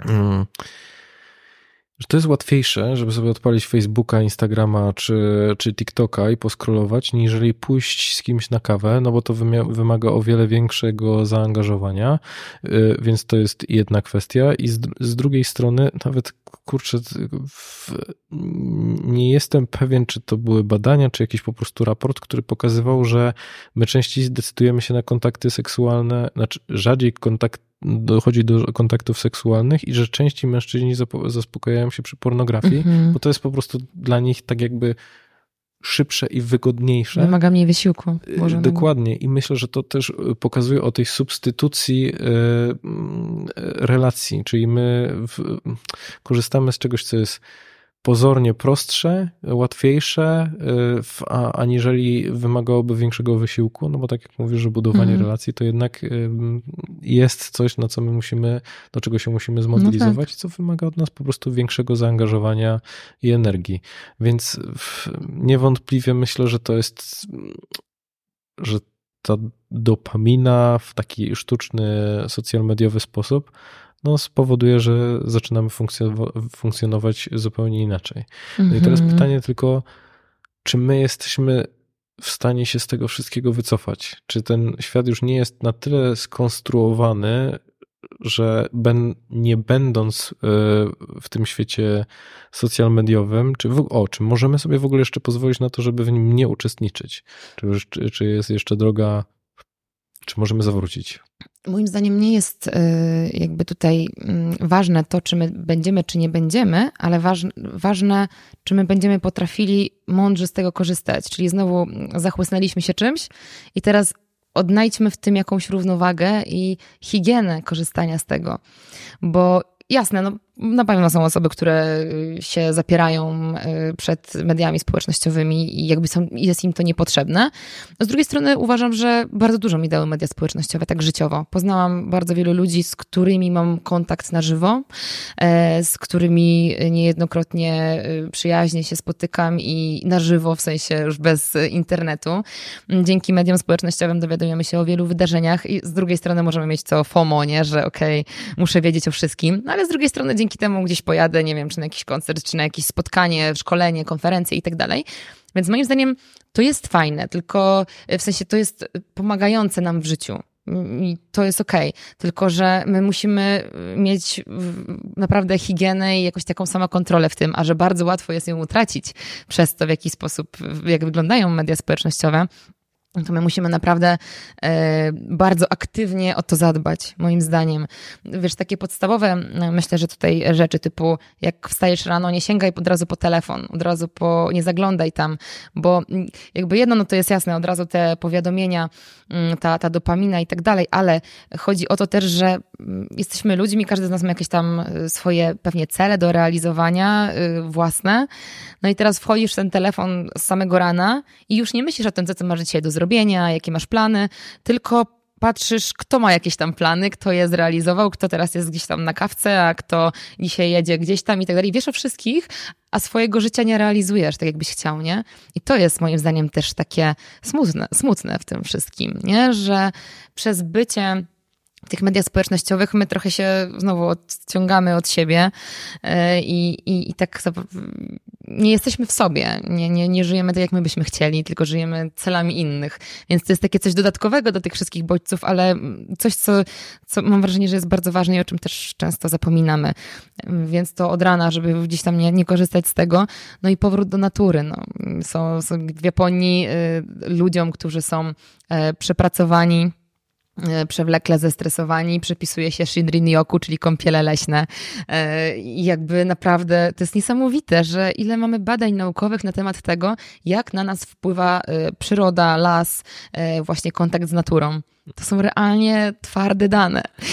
I my, popatrz, że my nie chcemy się godzić na te rozwiązania, które wiemy, że u nas e, najprawdopodobniej by się sprawdziły, bo to, o czym my mówimy, to nie jest fizyka kwantowa, coś, co w sumie pojawiło się przed chwilą, tak. tylko my zdajemy sobie sprawę, że zdrowa dieta, e, kwestie związane z, e, z odpowiednim snem, czy relacje oraz przebywanie w, w pobliżu zieleni pozytywnie na nas wpływa. Mhm. A jednak, jeżeli się na to nie decydujemy, no to docelowo w pewien sposób robimy sobie krzywdę, czyli no jakby obracając się w osi tego tematu dzisiejszego odcinka, no nie budujemy tej formy na życie, tylko powoduje to, że mm, no uniemożliwiamy sobie, no negatywnie wpływamy na swoje zdrowie. Mhm. No, no tak, no bo to jest taki mm, paradoks trochę naszych czasów, że musimy sobie e, przypominać tak podstawowych rzeczach i pokazywać badania naukowe na to, że warto spacerować po lesie. E, no nie, bo, y, no bo właśnie, no gdzieś tam to, to no trudno to opatentować, y, chociaż być może właśnie, gdyby gdzieś tam e, to Shinrin-yoku y, było popularniejsze w, w Polsce, no ale po prostu e, pamiętać o tym czasie dla siebie, dla ludzi na żywo e, i o kontakcie z naturą. Naprawdę to obniża realnie naszą, e, nasz poziom hormonu stresu w organizmie, obniża ciśnienie krwi w, w naszym organizmie. Naprawdę no, kontakt z naturą jest dla nas szalenie ważny i, i fajnie by było o tym pamiętać.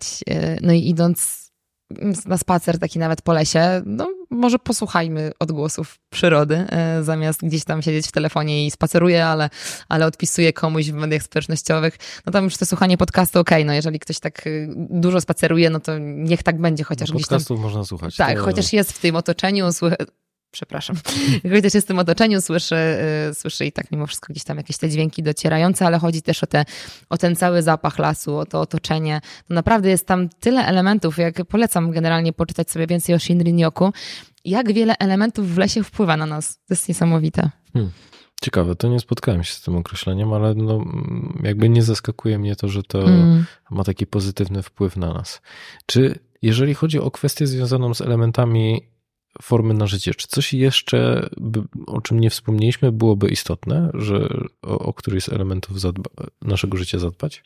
No, tak jak mówiliśmy ogólnie, no, relacje, e, równowaga psychiczna, no to na pewno myślę, że ty o tym jako, jako psycholog też dużo, dużo mówisz, czyli tak zwana ta redukcja stresu, ale ja tutaj myślę, że tak z perspektywy, żeby nie lecieć truizmem, zredukuj stres, no bo wiadomo, I coś z perspektywy też mojego życia, jednocześnie też i, i prywatnego, ale i obserwacji. Fajnie mieć jakiś swój taki obszar pasji, hobby y, znaleźć. I to nie jest tak, że mm, słyszałam kiedyś y, od kogoś, że no, ktoś się czuje presję, że powinien mieć pasję. Nie chodzi o to, że musicie mieć pasję. Chodzi o to, żeby znaleźć coś, co wprawia was w ten stan flow, kto, co powoduje, że nie myślicie o pracy, że się odrywacie od swojego życia. Mm, I, i ten stan flow jest bardzo ważny dla naszego zdrowia psychicznego, dla naszej równowagi właśnie. Czyli coś, co powoduje, że my w to wpadamy, zapominamy o wszystkim dookoła. Y, i skąd się bierze pasję, czy tam hobby? Spróbowania różnych rzeczy. I naprawdę warto, mm, zwłaszcza takie rzeczy, które też powodują, nie wiem, pielęgnację w sobie jakiegoś takiej duszy artystycznej czy dziecka. Mieszkając w dużych miastach się ma dużo możliwości, ale w mniejszych na pewno też. Nie wiem, czy to są jakieś nie wiem, można iść na kurs kaligrafii teraz. No nie chodzi nawet, żeby iść na kurs, ale po prostu na, na warsztaty, na zajęcia, y, na taniec, na jakieś zajęcia tego typu. Wiesz, na takie rzeczy, które nie są, nie powodują, że ty albo teraz podnosisz swoje kwalifikacje, albo nie wiem, budujesz tutaj jakieś y, inne rzeczy, takie, które są konkretnie ważne, tylko coś, co po prostu robisz, oddajesz się przyjemności i tyle. Tylko takiej przyjemności nie, że scrollujesz face'a, mm, tylko przyjemności takiej, że realnie coś robisz. No kurczę, mm, chociażby właśnie y, taniec, jakaś muzyka, warsztaty może, nie wiem, teatralne, y, ceramiczne, no to trzeba mieć dużo cierpliwości. Próbowałam wakacje. Jest pełno takich, y, takich miejsc. Spróbujmy coś takiego dla siebie zrobić. Znaleźć taką swoją pasję właśnie. Z jednej strony mm, często spotykam się z tą obawą presji związanej z tym, że ja muszę mieć pasję, ale myślę, że to wiąże się z takim strachem, że ta pasja musi być z e, skakaniem ze spadochronem, czymś takim wystrzałowym, co byłoby fajnie wrzucić właśnie na tego przysłowiowego Insta, a z drugiej strony ostatnio e, taki komentarz, nie wiem, prowokatywny może trochę pojawił się pod jednym z podcastów, to znaczy, a co jeżeli moją pasją jest oglądanie właśnie seriali na Netflixie. I z, długo się zastanawiałem nad tym, czy, mm, no właśnie, czy my czasami nie staramy się e, w, w jakiś sposób demonizować pewnych rzeczy, które mogłyby być czyjąś pasją, ale myślę, że szczerze warto sobie odpowiedzieć na to pytanie, czy to jest ucieczkowe oglądanie mhm. E, serialu na Netflixie, który umożliwia ci przestanie myśleć o tym, jak bardzo niezadowolona, niezadowolona jesteś ze swojego życia? E, czy to jest rzeczywiście coś, co, e, no co sprawia, że ty kurczę dzięki temu żyjesz i chcesz opisywać, na przykład podawać te rzeczy, które się obejrzało innym. I myślę, że ty to nazwałaś w taki sposób, że że to nie musi być czymś takim spektakularnym, ale to jest trochę na takiej zasadzie, że jeżeli, jeżeli ta pasja jest na przykład robieniem kolorowanek, e, to znaczy mm, jakby uzupełnieniem kolorowanek, bo w, e, i to po prostu sprawia ci przyjemność, to to jest ok. Tak. Żeby to nie było jakąś tak. taką presją, że to musi być spektakularne, że to musi być kurs, że to musi być coś, co cię rozwija. Mam wrażenie, że jest taki, taki bardzo mocny nacisk na to, e, że człowiek mo może mieć poczucie nieatrakcyjności, jeżeli tego nie ma. Właśnie to chodzi o to, żeby to było coś, co sprawia nam przyjemność, ale to nie, nie musi nas nigdzie prowadzić. To mhm. jest tu i teraz coś, nie? E, I e, spotykam się czasem, czasem gdzieś tam e, z racji tego, że ja sama dużo rzeczy próbuję w życiu i od, od, od zawsze i to jest dużo rzeczy, to czasem gdzieś tam znajomi do mnie, do, do mnie piszą i ze mną się na przykład dzielą, że o, chcieliby spróbować czegoś i na przykład lekcje śpiewu są czymś takim, co na przykład świetnie działa na nasz nerw błędny, który z kolei wpływa dobrze na nasz układ pokarmowy. Jeżeli ktoś ma problemy z trawieniem to i z nerwem błędnym, no to jedną z rad właśnie może być ćwiczenia oddechowe albo śpiew. I faktycznie, jak idziesz na lekcję śpiewu i zaczynasz robić rozgrzewkę wokalną, oddechową, to zaczyna ci tam wszystko bulgotać, bo faktycznie gdzieś tam się wszystko, wiesz, zaczyna ruszać. I to są też takie nie, niezwykłe rzeczy, że taki po prostu śpiew, a się okazuje, że nawet wpływa dobrze na takie rzeczy, no nie? I... Yy, to u Przemka Górczyka właśnie trochę rozmawialiśmy a propos śpiewu jako takiego, mm, bo są kultury, gdzie się po prostu śpiewa, a u nas to nas zawstydza, yy, wiesz, takie no, albo, albo ładnie śpiewasz, albo nie śpiewaj. Mm, a, a to jest znowu też, zobacz, związane z tym, że no, mamy pościskane te gardła ze stresu, z, boimy się coś tam powiedzieć i jesteśmy tacy cali pozamykani.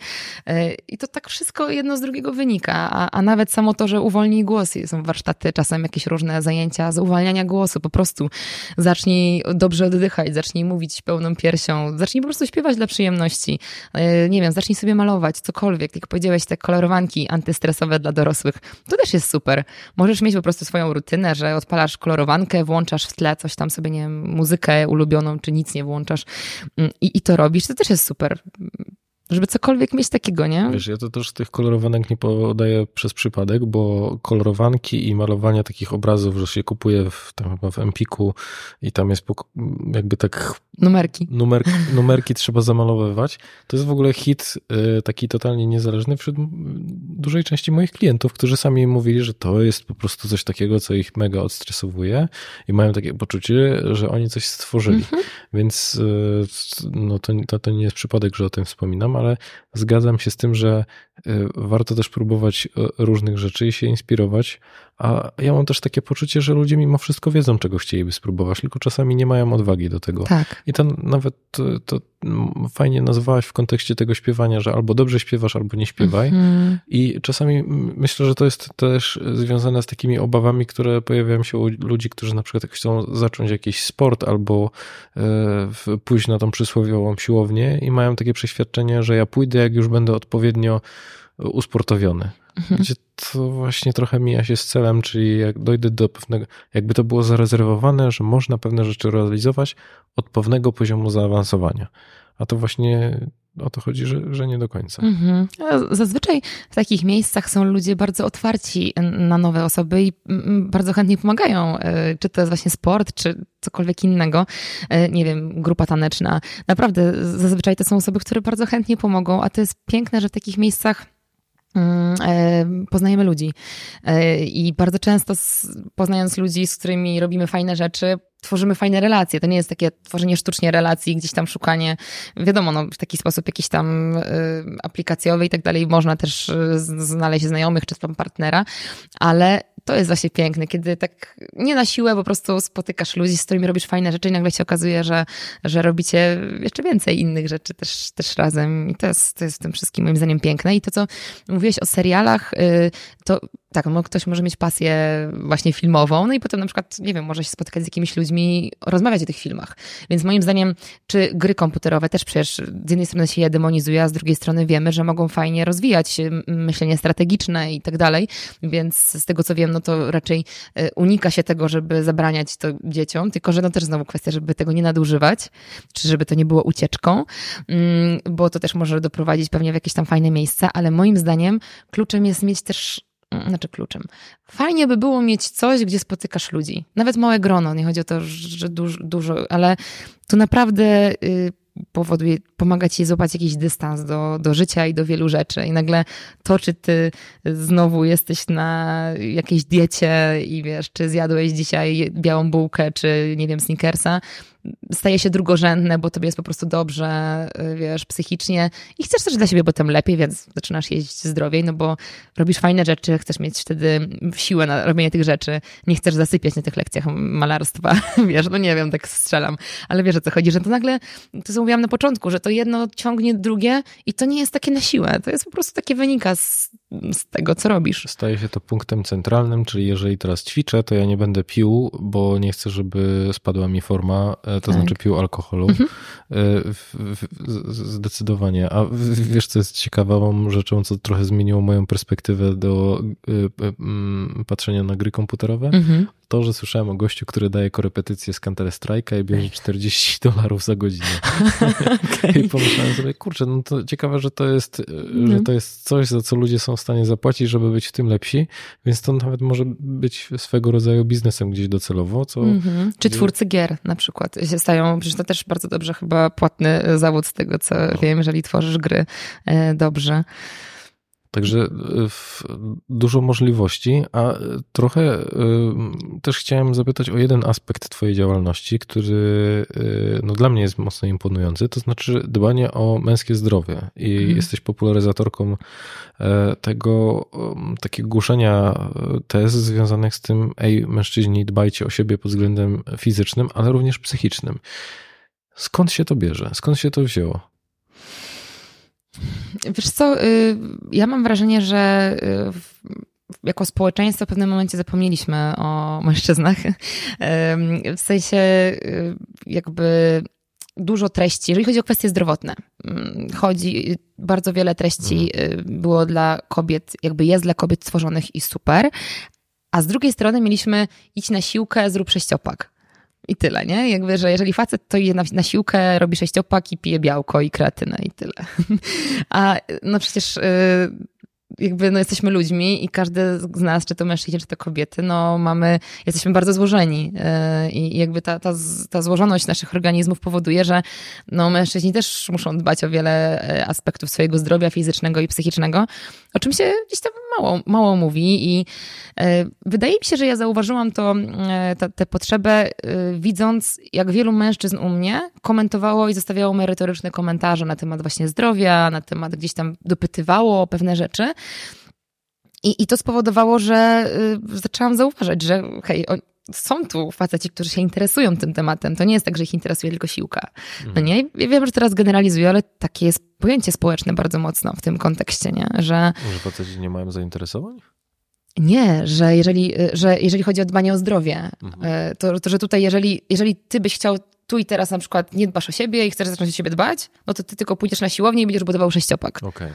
A może warto się przebadać, może warto jakby wziąć pod uwagę wszystko inne elementy, y, które powodują, że jesteś zdrowy. Nie każdy musi lubić y, siłownię, czy, czy, y, czy chcieć mieć sześciopaki, wielkie bicepsy, ale chcesz być zdrowy. No i jak być zdrowym po prostu? Głównie to były treści zbuduj sześciopak, a nie bądź zdrowy po prostu. Mhm. Coś w tym rzeczywiście jest, że wśród takie tych, tej męskiej części, y, bo nawet jeżeli mówimy o tych, którzy chodzą na siłownię i robią sześciopak, to oni najczęściej są mm, wsparci tak medycznie, to znaczy, że robią te badania i są aktywni, jakby aktywnie badają swoje zdrowie, ale zdecydowana reszta mężczyzn jest taka trochę pozostawiona sama sobie. Mm-hmm. Czasami to aż taki śmieszny sposób, w momencie, kiedy ja rozmawiam z mężczyznami w gabinecie i pytam ich właśnie o jakieś podstawowe badania krwi, to widzę, że no, oni czują trochę taki się może nie zawstydzeni, ale wstyd im, bo oni na przykład nie wiedzą, jak się to robi. To znaczy, że gdzie się robi te badania i mhm. że właściwie o, o, co z tym chodzi, że oni musieliby iść do, do lekarza, a oni mieszkają we Wrocławiu, a nie wiedzą, gdzie jest ten lekarz rodzinny i o co w ogóle, co to jest lekarz rodzinny. E, no tak. Więc czasami brakuje takich podstawowych informacji związanych z tym, że dobra, no to tam idziesz e, do punktu diagnostycznego, w którym robisz badanie, za nie płacisz, ono mniej więcej tyle kosztuje, że brakuje im, im, im tego. Mhm. Bo w, więc tego, tego wprowadzenia w, w codzienność. I myślę, że to też e, może jest związane z tym, że kobiety są bardziej nastawione, czy może edukowane w kontekście tego, że lekarz czy zadbanie o zdrowie to nie jest takie zło. E, to tak się mówi prześmiewczo, że mężczyzna idzie do lekarza w momencie, kiedy ma mm, kontuzję, a to najlepiej złamaną rękę, e, łysieje albo ma problemy z erekcją. Mm-hmm. I, I to są trzy rzeczy, którego, czyli już na tyle mm, problematyczne kwestie, których nie da się ukryć. Nie? A, a jeżeli mówimy o takiej kwestii związanej z, weryfikowaniem tego zdrowia wcześniej, to to są, mhm. to są problemy. Tak, tak. No. E, no teraz myślę, że to trochę więcej, zwłaszcza gdzieś tam zagranicznych, e, jest jak tam podcastów, twórców, którzy no, popularyzują tą wiedzę o zdrowiu ogólnie pojętą. No i faktycznie sporo ludzi słucha, no jest cały biohacking i o tym też się sporo mówi, już pomijając gdzieś tam jakieś tam nadużycia powiedzmy w, tym, w tym kontekście, no ale samo to, że się, że, że, że się o to dba, więc to jest moim zdaniem fajne. No, mm, Myślę, że to też chodzi o to, żeby powiedzieć facetom, żeby wzięli odpowiedzialność za swoje zdrowie, bo mam takie poczucie, być może błędne, ale na podstawie gdzieś tam moich doświadczeń i rozmów, że no właśnie chyba to też jest czasem tak, że no jakby dba y, o, o, o mężczyzn, jakby to, żeby się gdzieś tam badać, no w pewnym momencie gdzieś tam być może, nie wiem, rodzice, mama i potem jakby ten mężczyzna jest pozostawiony sam sobie, chyba, że mu gdzieś tam, nie wiem, żona, dziewczyna powie, że zaciągnie go na te badania i gdzieś tam też do mnie kiedyś pisała znajoma, co zrobić, żeby namówić swojego męża e, na to, żeby się w końcu poszedł zbadać. Co ona ma zrobić, no nie? I tak sobie pomyślałam, że to jest w sumie, nie wiem, czy to jest dobre, dobrze zadane pytanie, że to chyba powinno być, znaczy nie to, że, zadanie pytania, tylko to chyba nie tu powinniśmy nie na to zwracać uwagę, ale bardziej na to, co zrobić, żeby ten mężczyzna sam poczuł, że on powinien iść na te badania, żeby miał taką sprawczość i poczuł odpowiedzialność za swoje życie, za to, że fajnie by było, żeby się zbadał, bo to mu pozwoli lepiej zadbać o swoje zdrowie i dłużej żyć. Bo mężczyźni żyją krócej przede wszystkim dlatego, że się nie badają i nie dbają o swoje zdrowie, mm, a nie dlatego, że genetycznie powinni żyć dużo, dużo krócej, no nie? Ja, ja bym tego podejścia nie wykluczał, że czasami może warto zrobić to za mężczyznę i, tak, i mówię o tym z psychologicznej perspektywy. Mhm. To znaczy, że 70% wizyt męskich jest umawiane przez kobiety w, w gabinetach psychologicznych i psychiatrycznych. Y, I z drugiej strony to, to jest bardziej anegdotyczne, y, mhm. to znaczy, że moi znajomi, którzy są terapeutami par, mówią o tym, że mężczyźni nie chcą przychodzić, ale jak już przychodzą, to potem się bardziej angażują. I ja mam takie same doświadczenie w momencie, kiedy widzę, y, że mm, kobieta zapisała mężczyznę do mnie to on może na początku nie jest do końca przekonany, ale bardzo szybko staje się przekonany do tego, żeby rzeczywiście współpracować. Mhm. To znaczy, że miałem na początku taką obawę, że to będzie tak zwany klient w, w, w takiej w, w, roli goszczenia, czyli że on będzie, ja go będę musiał tutaj mocno przekonywać do tego, żeby on chciał współpracować.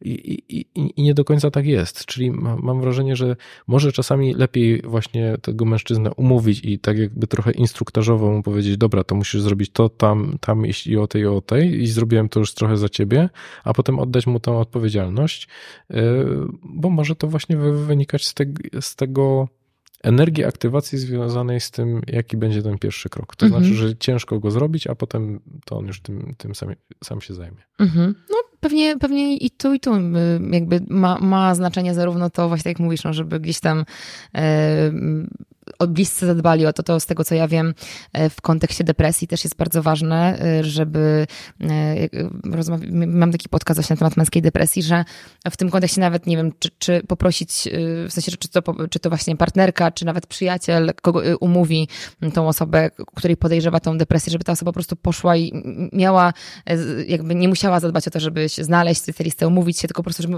tam po prostu poszła, no nie? I żeby zrobiła ten pierwszy krok. I to jest jak najbardziej super, ale jednocześnie no, uważam, że fajnie w kontekście tak regularnego badania się, e, fajnie jednak też pamiętać o, tej, o tym, że sami też możemy to robić, e, nie? Że, że, że mężczyźni mogą to robić w sensie i że, że jako ludzie możemy to, y, możemy to sami, sami za siebie jesteśmy ostatecznie odpowiedzialni, no nie? I, i, I gdzieś tam być może, że ja wychodzę z tego założenia, że im bardziej coś rozumiemy, tym chętniej to robimy.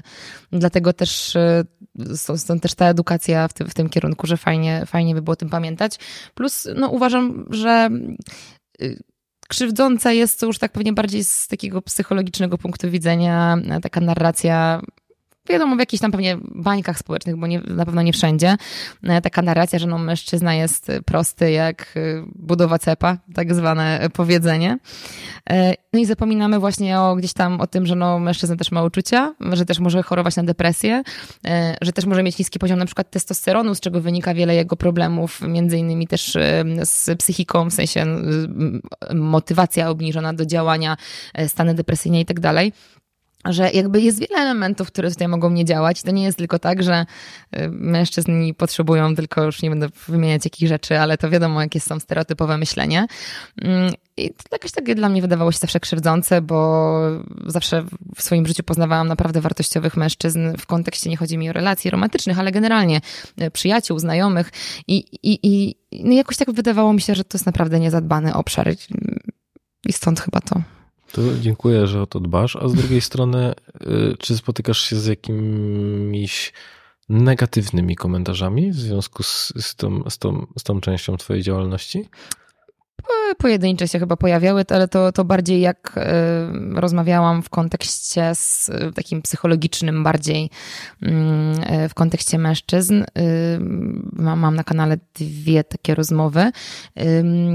Właśnie w kontekście takim Jacek Masłowski, psychoterapeuta, napisał świetną książkę i właśnie z nim w kontekście rozmawiałam takim tego mm, budowania męskości na nowo, tak zwanej w czasach, y, kiedy kobiety są silne, walczą o siebie. To jest bardzo dobra rozmowa, także szczególnie A, Dziękuję polecam. bardzo. I, I w ogóle książka jest też świetna, y, nazywa się y, No bez jaj i ma drugi podtytuł, ale nie pamiętam, no ale no bez jaj Jacek Masłowski na pewno tutaj znajdziecie z, z Martyną, też psychoterapeutką, psycholożką, dziennikarką. Y, bardzo, bardzo polecam. Mm, I y, wydaje mi się, że tutaj na zasadzie, że kiedy chcę zapytać trochę od innej strony, tam się pojawiło, ale dosłownie niewiele, tam parę komentarzy, e, że, że jakieś antyfeministyczne pytania zadaję, gdzie to sobie jakby, to nie chodzi o to, że musimy być w kontrze. Mhm. Możemy dbać o jedną płeć i o drugą i to jest piękne i, i na tym mi najbardziej zależało. Więc, więc w tym kontekście też się spotkałam, ale to też naprawdę to chyba był jeden komentarz na, na, na wiele, wiele innych w kontekście męskiej depresji, że jak to męska, że przecież wszyscy chorujemy na depresję. No jednak wyróżnia się według mojej wiedzy tą męską depresję w tym kontekście, dlatego się mówi o męskiej depresji, że ona y, czasem się objawia w taki sposób, czego nie kojarzymy z depresją, no nie? I w tym kontekście. Y, I to jest takie znowu takie no, współcanie pewnie czegoś, y, uproszczanie, ale po to właśnie, żeby zauważyć, że niektóre objawy uważane za męskie zachowanie toksyczne mogą być objawem depresji. I to jest dla mnie w pewien sposób fascynujące w tym sensie, że mówmy o tym więcej, y, pokażmy to. Więc jakby y, dlatego też mam dwa, dwa odcinki właśnie u siebie na temat męskiej y, depresji. Jeden właśnie z autorem książki, też dziennikarzem, który sam też chorował choruje na depresję i te, na ten temat edukuje. To jest rozmowa z psychiatrą, jego, z psychiatrą. I drugi to jest mój odcinek, taki mój własny research z wypowiedziami też trzech mężczyzn, z których akurat żaden z nich nie chorował typowo na depresję, ale czy mieli stany depresyjne, czy generalnie udali się na psychoterapię z powodów życiowych. I też zależało mi, żeby trochę odczarować tą psychoterapię u mężczyzn. Tak jak powiedziałaś, no ten pierwszy krok częściej zrobią kobiety niż mężczyźni dla, do psychoterapeuty. Mm, I, I tutaj chciałam pokazać trójkę mężczyzn, z których każdy y, też y, w jakiś sposób działa w przestrzeni publicznej i ma odwagę o tym opowiedzieć. O tym, że był na psychoterapii, co mu to dało i jak bardzo ważny to był krok na ich, w ich rozwoju prywatnym i zawodowym. Mhm. To ciekawe, bo no widzisz, ja już jestem w takiej bańce, że w ogóle zapominam, że to może być powodem do wstydu dla kogokolwiek. Mm. Ale e, tak odnosząc się jeszcze do tego zarzutu w kontekście męska depresja, to domyślam się, że chodzi o to, że w takim obrazie klinicznym, czyli tam w ICD-10 i 11 po prostu nie ma takiego mm -hmm. rozróżnienia. Tak.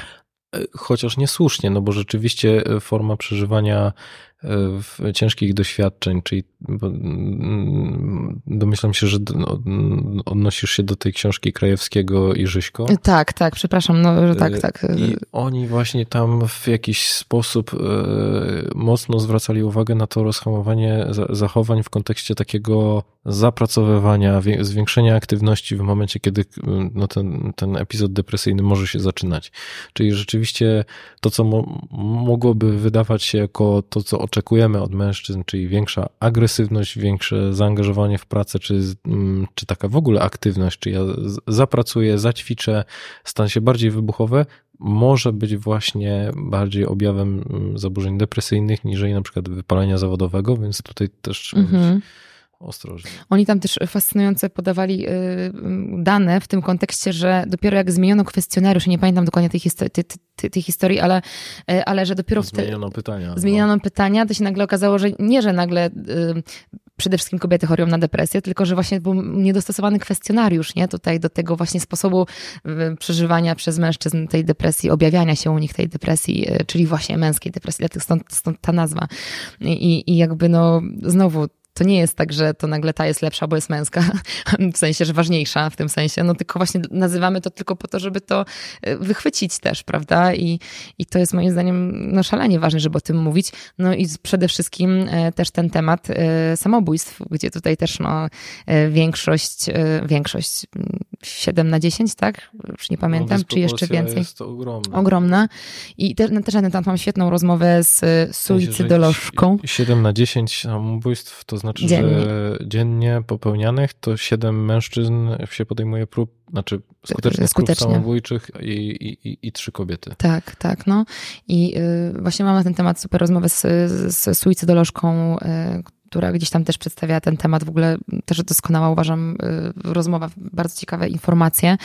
Y, I, y, i właśnie tam to też rozmawialiśmy na ten temat, że więcej prób jakby mają kobiety takich, które są bardziej takim wołaniem o pomoc, a mężczyzna, no być może dlatego, że to forma bardziej agresywniejsza, y, taka ostateczna, no nie? I, i, I to też jest coś, na co, no właśnie, to też zwróciło bardzo moją uwagę w tym, w tym kontekście. Trudny temat, ale, ale uważam, że, że właśnie dlatego tak dużo jest y, jakby treści, pięknych profili kierowanych do kobiet. Bardzo się cieszę z tego powodu, sama z tego korzystam. No a ja tutaj poczułam e, gdzieś tam, że, że może w tym kierunku, zwłaszcza, że no prawie połowa, jak nie czasem nawet więcej moich odbiorców to są mężczyźni, dlatego też stwierdziłam, że no fajnie by było to wykorzystać. Okej. Okay. No to jeszcze raz ponawiam, że, że dzięki za, za to, że zajmujesz się tym tematem. Myślę, że kurczę, no przekrojowo przeszliśmy przez wiele rzeczy, ale jeżeli miałabyś zostawić słuchaczy czy oglądających z taką jedną w miarę uniwersalną radą, co o to, w jaki sposób nakierować ich na to, żeby, no, żeby dbali o siebie i żeby to żyli w zdrowiu jak najdłużej, to co byś im powiedziała? To jest trudne w, jednym, w jednym słowie, w jednym zdaniu. Może być dwóch. ja myślę, że chyba bardzo ważnym jest to, żeby znaleźć ten, ten swój cel, tą swoją motywację, to swoje ikigai japońskie, czyli cel, po co wstajesz z łóżka. Jeżeli to masz, jeżeli to znajdziesz, w sensie każdy to ma w jakiś sposób, może to znaleźć, choć w niektórzy, niektórym może się tu i teraz wydawać, że w sumie nie mają tego celu, ale jeżeli znajdziemy, poszukamy, postawimy sobie ten cel po prostu, wymyślimy sobie ten cel, to będzie łatwiej y, mieć motywację, żeby zadbać o siebie po prostu.